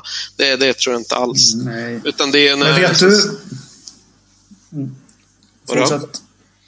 Ja, du får fortsätta. Ja. Nej, jag bara, när det är så stora organisationer och det är så mycket som inte verkar fungera, då, då är det nog mer djuplodande problem, brister. Vet, vet du något om statusen på Frank? För det är väldigt tyst. Nej, det det var väldigt länge sedan man såg honom. Så det, det är det enda jag vet. Det är Ja, tråkigt. är han och, kanske han och Schumacher då, som Ja, sitter och, och spekulerar i saker. Ja, ja. Men du, då har vi kört lite Indycar och grejer. Jag tänkte passa på när jag var en expert med här eh, och, och få fråga lite. Vi pratade om när vi var barn och växte upp och något. Förutom att läsa om Formel 1 i automobil eller teknikens värld så läste man ju väldigt ofta om Grupp C med förare som Stefan Belloff och Manfred Winkelhock och alla de här. Vad hände med den gamla klassen LMP1 nu? Eller det är väl det som är Grupp C? ja, precis. Då kanske jag ska passa på att byta keps en gång till. Eh, så att jag hänger med här, så att jag pratar om rätt grej. En Toyota Kelban. Nu- Nu är jag helt med här. Nej, Men men Rick känner sig LMP1, kass. ja, LMP1 har ju liksom alltid legat mig väldigt varmt om hjärtat. Oavsett om det har varit LMP1 eller, eller Grupp C. Titta, nu är en fin Toyota världsmästare. Wow. Ja, titta. Eh, och Tack nu verkar det som... Eh, Toyota har ju länge nu varit ensamma i den här klassen. Eh, och inför den kommande säsongen som börjar faktiskt redan nu i september så är det inte så många andra kvar. Idag blev det, jag tror det var idag, som det tillkännagavs att även ryssarna, SMP, drar sig ur den här klassen inför den kommande säsongen. Alltså 19 till 20 säsongen. Och det är lite synd, för då är vi plötsligt nere på sex bilar i den här klassen inför nästa säsong. Och det är ju definitivt lite tunt. Och det här blir ju ett mellanår inför, inför att det nya, helt nya eh, hyperbilsreglementet kickar igång inför nästnästa säsong som drar igång september 2020. Där kommer det vara ett helt nytt det? tekniskt reglement. ambitionen har ju varit, och där, alltså om man, är, om man är, tycker att eh, maktordningen och beslutsordningen i Formel 1 är strulig så är den ju ännu struligare när man försöker greppa eh, sportvagnsracing. Därför att där har man ju de här usual suspects med FIA och så har man arrangörer och så har man team och dessutom så har man den här franska organisationen ACO som eh, helt enkelt är en förkortning för den västra bilklubben, ACO. De äger Le Mans. De driver hela arrangemanget kring Le Mans 24 timmars. Och det finns liksom inget, inget sportvagns-VM utan Le Mans 24 timmar. Så den här organisationen är väldigt viktig och de har sina egna föreställningar om hur, hur regelverket ska se ut för att det ska passa dem för Le Mans 24 timmars. Och de önskemålen ligger ju verkligen inte alltid i linje med vad som passar bilindustrin eller vad som passar FIA i stort. Men eh, nu verkar det som att de har lyckats komma överens om, om ett nytt reglement för den här klassen. För problemet är ju att alla har ju i princip droppat av, i alla fall de här stora spelarna. Porsche och Audi har ju, har ju fallit bort. Så de som finns kvar är Toyota med en stor fabrikssatsning och en del privatister. Men det blir liksom ingen tävling av det. För det går ju det går liksom inte att bygga en, en uh, tävlingsklass kring en fabrikssatsning och privatister. Det, det, blir ju så, det blir ju så tunt helt enkelt. För att det ska bli riktigt spännande. Så att ambitionen har varit att göra den här klassen mer attraktiv för, för eh, bilindustrin. Så att fler satsar. Och det man har kommit fram till, eller kommit upp med, är ett, Eh, ett förslag om att bygga, eller bygga en klass kring bilar som tydligare påminner om eh, superbilar helt enkelt. Alltså Koenigsegg, Ferrari, McLaren, den typen av bilar vi emellanåt ser på, på gator. Eh, så tanken är att det är den klassen som ska sparka igång säsongen 2021. Så att det som kommer nu blir ju ett mellanår, ett sista år med det här LMP1-reglementet då vi för sista gången får se de här i mitt tycke helt fantastiska hybrid, eh, hybridbilarna. Men tyvärr då bara med Toyota i, i hybridklassen. Så det blir, det blir väldigt spännande att se vad den här nya klassen innebär. Inte minst för att det kan öppna upp för fabrikssatsningar från till exempel i bästa fall tillverkare som Ferrari, Lamborghini, McLaren, Koenigsegg för den typen av fabrikssatsningar kommer det bli väldigt mycket billigare att genomföra än nuvarande LMP1-reglement har krävt. Vi vill väl ha in Jaguar där igen, måste ju... Ja, det vore ju fantastiskt. Men du, jag tänker fråga. Jag har ju faktiskt försökt följa det här lite, för jag gillar ju Alonso. Men de här LMP1-bilarna, Toyotorna idag, de är väl nästan stråtvassare än en Formel 1-bil på banan, va? Ja, de är inte långt efter alltså. De är inte långt efter i varvtiden. Nu har jag inte någon, någon direkt jämförelse i huvudet, men det är, vad kan det vara? 6-7 sekunder efter på Silverstone eller någonting sånt där. Mm. Så det, var det inte Porsche som slog några... Fast, fast å andra sidan så ska de med bilarna klara 24 timmars race. Ja. Så det, det är ju, ja. Räknar man in det så är de är ju fantastiska. Men kan man inte få förr i världen, visst funkar väl det då när det hette Grupp C mycket som dels en matarserie till Formel 1, sen vad fan, det skulle vara jättefint om det gick att kombinera. Jag är lite förtjust i det också. Alltså. Ja. Eh, nu har vi lite, Alonso har kört Le Mans och Hulkenberg körde också Le Mans, men att det finns mm. fler förare som får chansen att göra det. Ja, ja, men jag håller med. Om inte annat så får man ju enormt mycket bantid i de här klasserna. Mm. Så man, man får ju en väldigt grundlig utbildning. Sen är det inte mm. alltid säkert att det håller hela vägen när man väl tar sig till F1. Mm. Så det är bara på Brandon Hartley som, som uh, varit en fantastisk sportvagnsförare men kanske inte gjorde mm. så jättestort väsen av sig när han väl kom till Toro Rosso. Får väl inte glömma heller att Ronnie Pettersson körde otroligt mycket sportvagn för, eh, för Ferrari. Början på 70-talet och gjorde Just det jäkligt bra.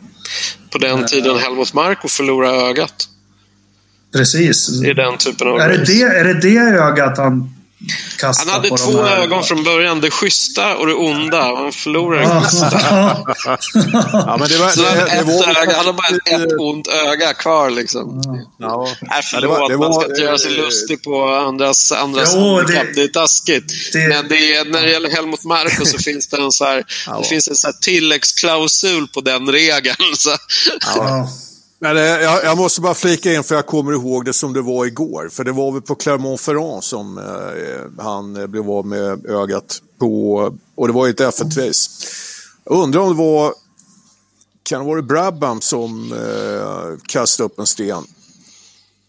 Nej, Eller var det inte han fin, finnen? Vad hette han? Jag, jag har fått för mig att det var... Fan, eh, inte i F1 i alla fall. Kan någon googla? Jag har inga... Ja, vi får, vi får väl göra det. Vi får väl göra det. Men eh, vad fan, eh, Gergej, eh, när det gäller det nya reglementet, har det uttryckts något intresse från eh, olika aktörer att ge sig in i det där? Toyota har ju signat. De är, de är redan klara med en bil som de håller på att testar. Den ser urläcker ut. Så att eh, de är klara. Sen så är det många som har uttryckt ett intresse. Så att jag, jag tror nog innan årsskiftet så, så räknar man nog med att det finns åtminstone tre, fyra fabrikssatsningar klara.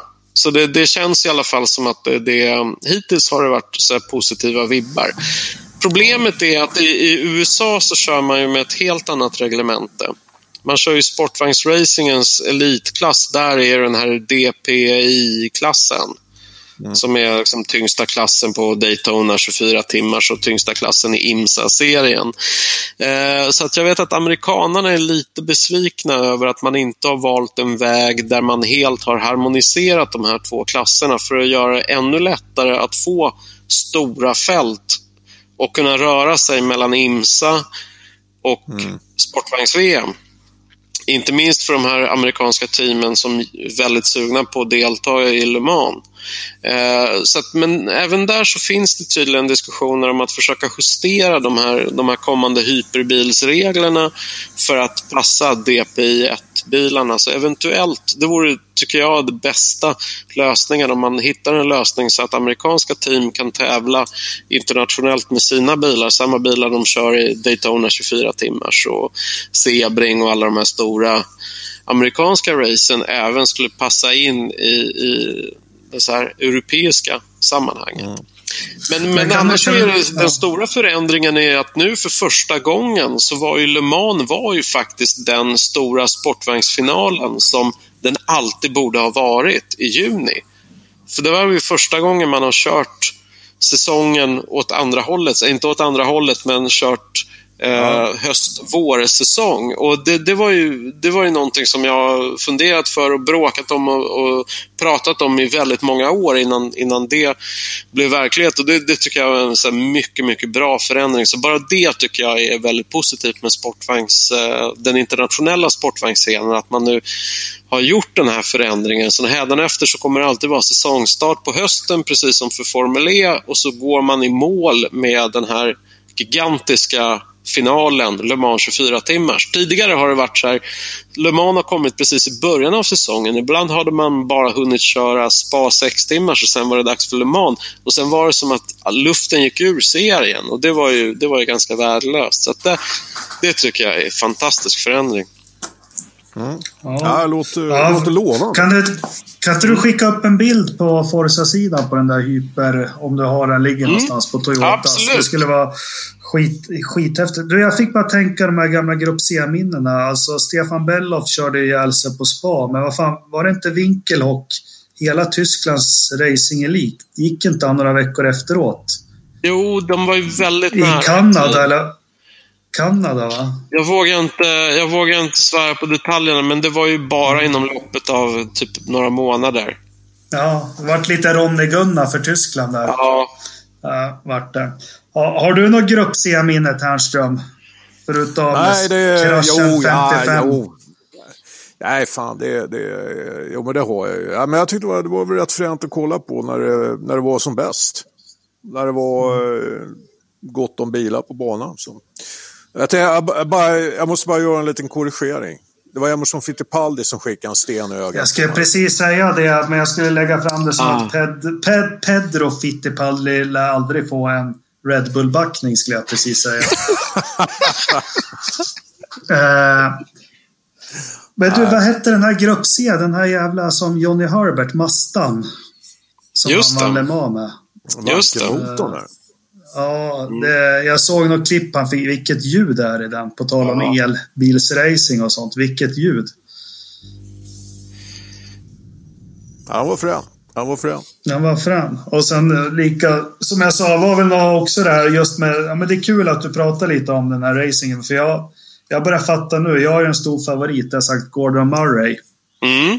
Eh, lite legend, men han fick mig att förstå vilken otrolig utmaning det är att bygga en bil som ska hålla 24 timmar. Ja, Eh, det är en hel eh, Formel 1-säsong man kör på ett dygn liksom. just det. Eh, och gör det jävligt fort också. Ja, ja, men då Vilket fick vi påminner mig om att även Aston Martin har ju signat upp. Kommer jag tänka på Ja, nu när du nämnde Gordon Ja, Murray. Ja. Så även de kommer ju köra.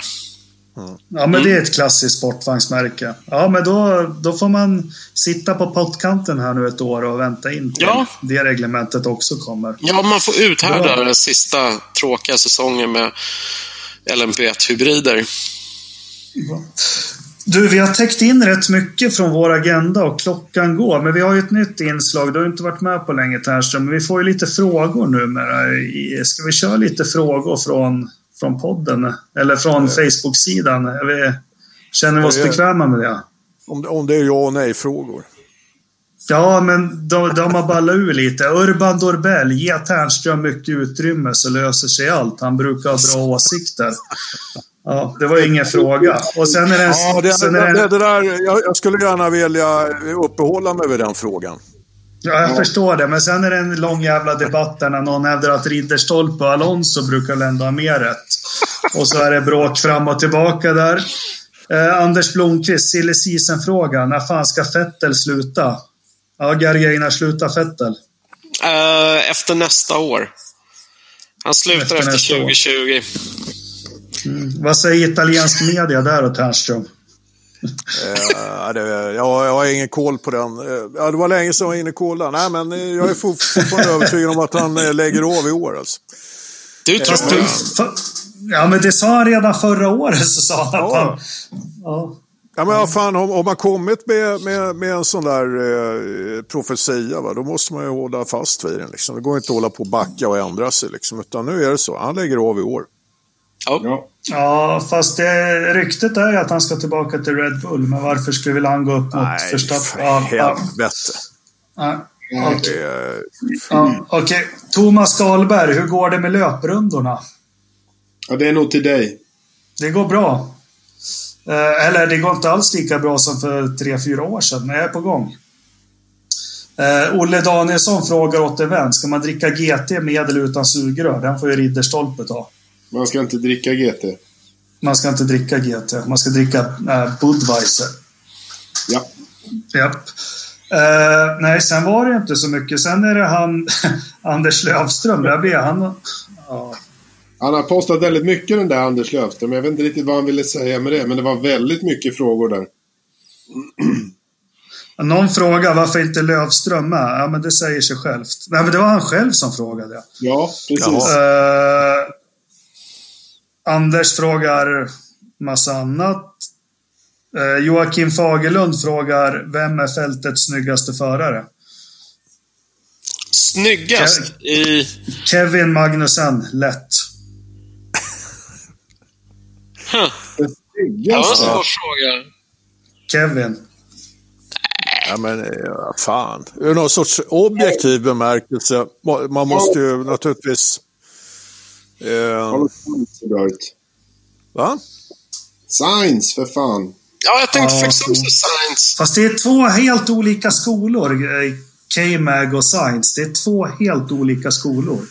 Ja. Ja, det ena är lite mer strandraggare, den andra är ett Ja. skogshuggare. Ja. Ja, ja. Ja. Så det beror lite på, vill man ha en spansk strandraggare eller en skogshuggare i miniatyr? Eller, Nej, jag tar, jag tar K-Mag. Eh, vad dricker Ridderstolpe, någon som undrar? Ja, det, det är Löfström som undrar. Ja, Egentligen efter fe- två timmars snack så kom frugan ner ett glas rosé till mig. Det var det som Okej.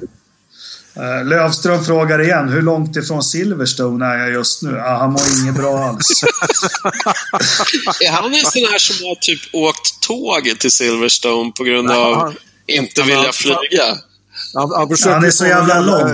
Han försöker ju ta någon jävla kanalbåt dit. Ja, är det flygskam? Är det det?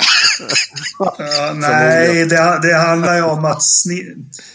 Jag är i ärlighetens namn 1,79 lång. Så jag gör att ordinarie panel så gör jag att medellängden på podden är 2,07. Alltså det, är- det är resliga herrar de här som slutar på Ström. Lennström och, och, och Anders han börjar bli så jävla lång så han är krokig nästan. Ja, det är du med. Fan.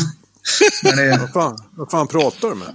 Ja, men ni är så jävla långa så era kropp blir liksom, ni, de böjer på sig för ni är så långa. Nej, för fan. Inte nu längre. Jag håller på att räta på den. Det är, det är ja, jag menar inget illa så. Nej, det var inga roliga frågor den här veckan. Fan, det var roligare förut. Ja, det var värdelöst. Eh, ja, det var helt värdelöst. Är det någon som har något att tillägga eller ska vi gå in på eh, den stående jag- punkten? Så men att det jag är bra har om du börjar avrunda det här nu för fan. Ja, jag, det, vi ska avrunda, det är två och en halv timme här nu. Men jag har faktiskt... jag har gott om tid för jag har ju sagt jag köpte en ny Klippo. Ja, Gräsklippare. Ja. Och jag valde Honda-motor. ja, Och det vart ju ras direkt på första fria klippningen. Så det... Nu får jag... Ja. Jag har ju Jävla... 15, 15 veckors ledtid på allting där. Nej, Ja. men jag har sett en... Medan det har pratats lite LMP där som inte jag kan ett skit om så råkade jag se att eh, faktiskt nu i Toronto så kommer eh, Marcus eh, kompis Robert Wickens att eh, vara med och köra.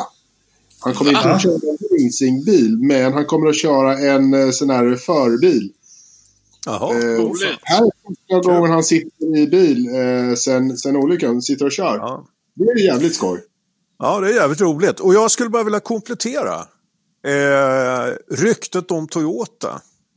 Det, det var faktiskt inte bara inbildning utan eh, jag hittade lite grejer om det här. Så att eh, de, har, eh, liksom, de är med i ryktesspridningen runt, eh, runt det här med ny, som ny motorleverantör till Indycar. Så att, eh, och skulle de göra det, då, då tror jag nog vi kan eh, anta att eh, Alonso kommer att hitta en styrning i alla fall. Eh, men en Alonso i Indycar körandes McLaren Toyota. Det skulle faktiskt vara lite småhäftigt. Ja, visst. Om de bara de eh, så att säga klar, klarar av att skruva ihop bilen. Det lyckades de inte. Ja, just det. Vi har ju det där också. Ja. Ja, Det, det har inte blivit något mer av det. Jag läste en artikel om det här, förlåt, Gerge, alltså att Alonso misslyckades i kvalet. Vi, eh, jag trodde det var ett skämt först och vi pratade om det i podden, men jag läste en hel lista allt som McLaren hade misslyckats med med hans bil. Och jag kan fortfarande inte tro att det är sant. Nej, men det var, vad jag fattade så var ju inte McLaren. Det var ju de här Carlin som skulle sköta allting åt McLaren. Så det var, det var väl en sån här dassig form av brand engineering där de målade McLaren dekaler på Carlins prylar. Men det är, vad jag fattade så är det Carlin som har missat. Men jag håller med, det är helt ofattbara grejer. Det var en sån ratt som fattades och alltså grundläggande saker som var och det är konstigt, för Carlin är ju, är ju även om de inte är gamla i Indycar, så är det är ju ett väletablerat team. Ja, absolut. Nej, men Man man hade ju- väl inte skillnad på miles och kilometer? Vad var det mer? De hade Ja, men växlat det var ut bilen. så- tum och millimeter och... Fan, det är helt, helt Ja, ja. sanslöst. Men du, då går vi mot avslut. Vi har en punkt som vi kallar veckans förstappen. Och det var ju när podden startade här för lite drygt ett år sedan. Det var ju då när förstappen körde in i räcken och körde på folk. Och, äh, det gick inget bra bara. Därför blev det en stående punkt, veckans förstappen, där man får utnämna någon eller något som man tycker är veckans förstappen. Så du får fundera några minuter, Gerge, så börjar vi med Ridderstolpe, veckans förstappen. Hmm. Och det var det jävligaste. Eh, jag har ju fan ingen den här veckan eh, e- egentligen. Eh, jag har ju precis fått semester. Så jag har ju liksom helt totalt zonat ut från allting. Så att egentligen borde jag ju göra en, en ängelmark och utnämna mig själv till en jävligt dålig eh, version av mig själv. Så jag bör ju bara Verstappen. Helt enkelt. Bra Ridderstolpe. Ternström då? Ja, jag gör det jävligt enkelt för mig och det blir ju den här eh, polacken vad han nu hette som eh, i DTM lyckades peta av sina två teamkamrater varav den ena var, eller förlåt i Porsche var det lyckades peta av sina två teamkamrater varav den ena var Henke Skog som, som låg i ledning där i, i tyska Porsche, Porsche-cupen. Det var, det var för han, Ja, han, han, han, ja, de låg ju topp tre allihopa liksom. Och, och, hur man lyckas som trea att plocka av de andra två. Ja, jag kan inte påminna mig att jag sett något, någon liknande tavla någonsin. Ja, underbar. Ja. Uh, ja, veckans förstappen blir ju självklart Joakim Ternström och Christian Ridderstolpe. Jaha. Tack för det du. Tack för ja. kaffet grabbar. Ja, vi får ja, ja. motivering. Ska vi fan ringa på dörren nästa gång du svänger förbi för bara be frugan peka finger åt Nej, men ta med sig familjen på en sen kvällstripp. Ungarna är jätte... Vi ska åka förbi pappas poddkollegor. De bjuder säkert på saft och bulle. Aldrig sett så igenbommade jävla hus som när jag smög förbi. Vad fan, men när, när var detta? Dig passerade jag i omgångar igår. Du har ju inte ens husnummer på ditt hus. Du har ju satt det på brevlåda, jävla fegis. ja, vad fan. Igår... Fan, jag var ju hemma. Nej, Nej det var helt... Det var inte alls. Nej, det var eh, riktig, riktig jävla fritzelstämning där. ja. Nej då, vi var på... Jag, jag och frugan var på gymmet faktiskt. Det var därför. Ja. Ja. Det är där vi brukar gömma oss. Ja. Konceptet Verstappen tror jag du förstod. Har du någon Verstappen, Gergej? Alltså, det beror lite på. Kan man få vara lite sådär framåtblickande? Ju... Du får vara hur elak och bakåt och framåt ja. du vill. Det här är din Nej, grej. Då får ja. vi, vi är faktiskt inne på rätt vecka. Veckans Verstappen blir Silverstone. Jag gillar inte Silverstone.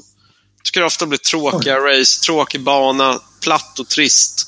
Det är en av de banor jag, jag, trots det historiska och allt det där, jag skulle inte ha några problem med om Silverstone försvann från kalendern. Ett, ett nytt eh, Frankrikes GP i eh, annalkande. Skulle kunna vara det. Det blir, det blir en kort eh, krönika från din sida igen. ja, kanske till och med kortare. Nej, men jag tycker inte Silverstone är jätterolig som bana. Jag vet att många andra, till exempel Marcus, gillar den skarpt, men sådär. Han gjorde en bra smäll där han. Också ja. en sån här helt, där ingen annan har smält någon gång. Det var väl när flärpen inte gick igen va? Nej, ut ur Stowe. Ja, men där hade, han hade väl faktiskt, där var han väl ursäktad i alla fall.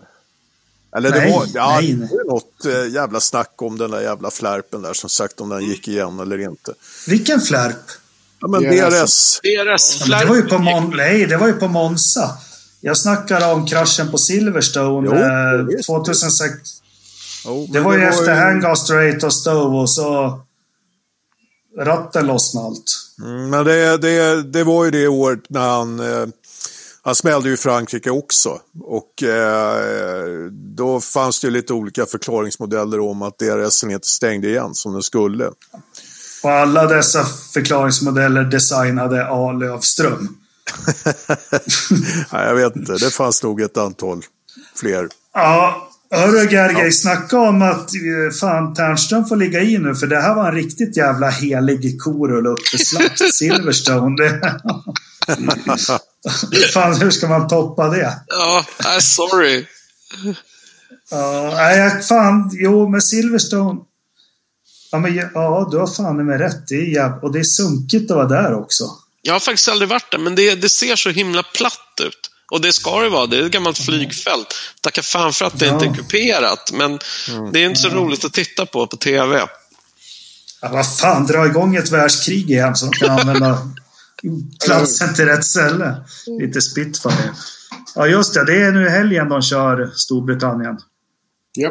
Yes. Men eh, hörni, det, vi, vi, ska, vi ska, för de, för de stackars lyssnare som har orkat eh, med och, och lyssna ända till slutet. Vi måste ju ändå eh, puffa lite för svensk racings största sommarevenemang.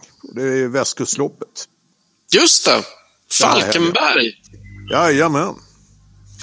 TCR eh, kommer faktiskt med ett hyggligt startfält har jag förstått. Och eh, vi i V8 Fandikors vi laddar upp med 15 kärror. Så att, eh, det ska bli eh, bra racing där.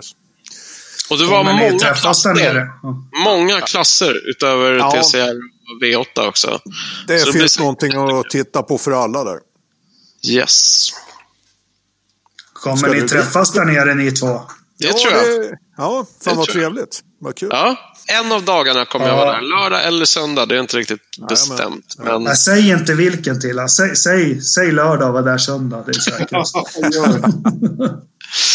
Ja, det spelar ingen Ja, roll, jag ja. är ju där båda dagarna. Så att, Ja, Vad ska du göra där, Ternström? ja, vad fan, jag jobbar ju med V8 Fandikors för fan. Jag, jag, Ja, men- jag gör ju allt. Jag plåtar, skriver, jobbar med, eh, med vår videoproduktion och...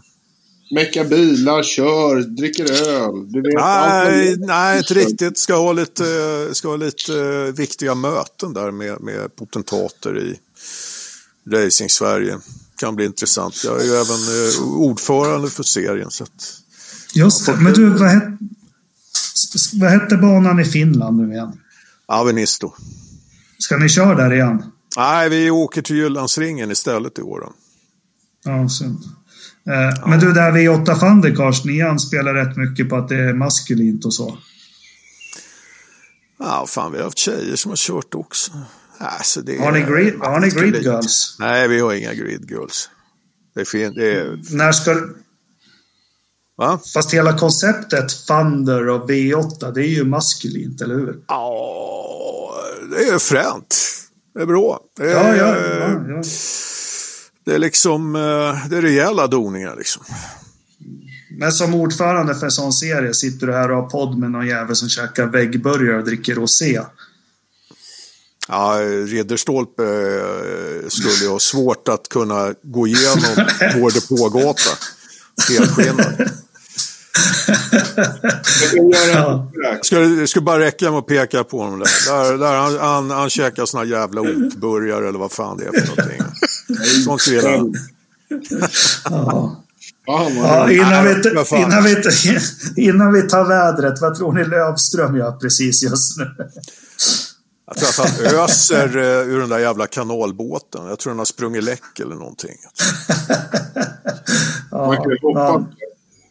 Ja. Jag tror Vad sa du? han, han dricker en sån där, sån där shandy. Alltså så här, en, Ja, cider och öl. Ja. Ah, ja. hälften en citrondricka liksom.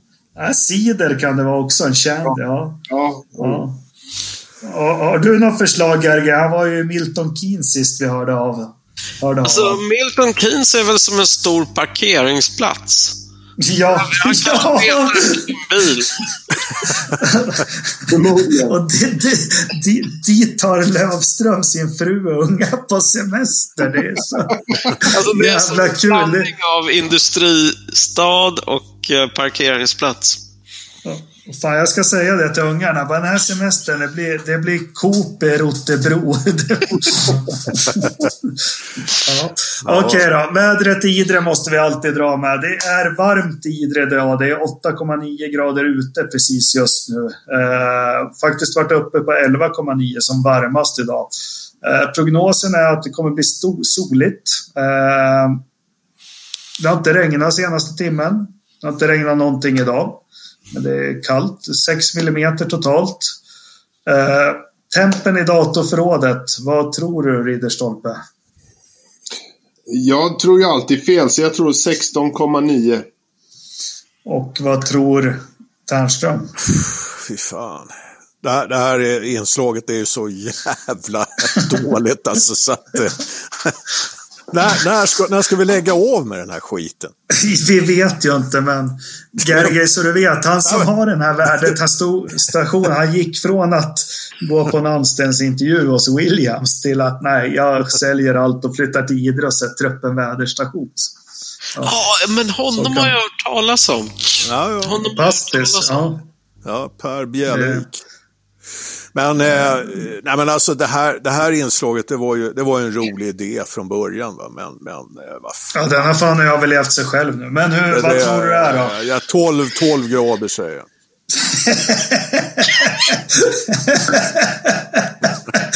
fan, kan du ta det här seriöst nu? Nej, men vad fan då? Jag, jag, han, har, han, har väl, eh, han har inte stängt igen dörren ordentligt i förrådet. Nej, men lägg av nu. Vad fan. Det var ju el- elva och en halv, sju minuter i sex i morse. Jag kan inte tro att det är tolv nu. Nej, det är- inte fan vet jag. Det, är någon, eh, Okej. det beror på. Man är utsatt för en D-dosattack så kanske den har stigit till 32. Ja, ja, Gerge, har du något förslag på vad har han för temp i datorförrådet? Forza Vad- streck vad, motors... vad, vad, är, vad är en lagom temperatur i datorförrådet? 17,2. Ja, fan, du är nära. Den är på 20,4. Ja. Den har hållit sig jämn idag. Den har hållit sig mellan 18,9 och 21,1. Så han har bra kontroll på grejerna nu. Ja, det är bra.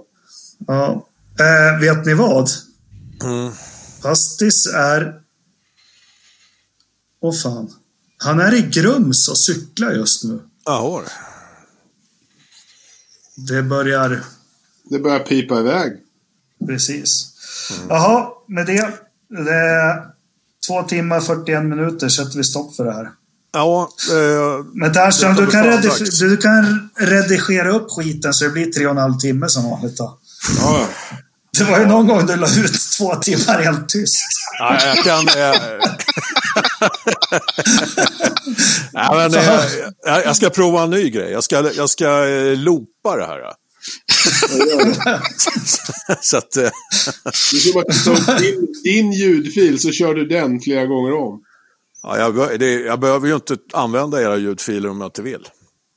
Eller så gör vi som, som pop och rockgrupper gjorde på 90-talet när man gömde en låt längst bak på CD-skivan. Ja, det har, jag det? också, det har jag också testat. Bland annat på Pet Shop Boys mycket bra underskattade album Very. Så ligger en låt fan. slutet. Mm. Man blir ju skitskraj när den sätter igång, när man har glömt bort att den ligger där. Ja. Vad fan, är det två i, i podden som lyssnar på det där? Nu blir jag, Så- jag blir, blir, blir jag mörkrädd. Ja, ja, herregud. De är stora favoriter. Ja, jag med. Ja, men, ja, men fy fan, den skivan är bra. Låt nummer sju, The Theater. Den är jävligt stark. Ja, Som handlar om... eh, Ja, nej, nej. Ja, ja. Nej, nu är jag ju... Fast jag, jag, jag sjöng ju för er igår. Har ni hämtat er från det? Nej. Ett av de mest underskattade albumen någonsin, det är Chicago Ja, 17 Chicago. som kom 1984. herrejävlar. Det är rakt igenom så jävla bra. Du får... Åh, Ja. jag Peter tror. Peter, ja, jag tror inte han har varit bättre än just den skivan någon gång. Ja, det var ju tråkigt. Om ni vill, jag kan ju lägga upp eh, One More Story, soloskivan han kom med 88, där David Gilmour från Pink Floyd gör pålägg på gitarr. Också jävligt värd att lyssna på. Åh, fy fan. Men Ja, eh, du, eh, har, har du rundat av nu eller hur? Är det så? Ja, har inte, du tryck, har inte du tryckt av inspelningen? Nej, det har jag inte gjort. Nej, den står på räck fort. Vad fan. Ja, ja. Nej, men vad fan, vi, vi får säga hej då helt enkelt och tacka för oss.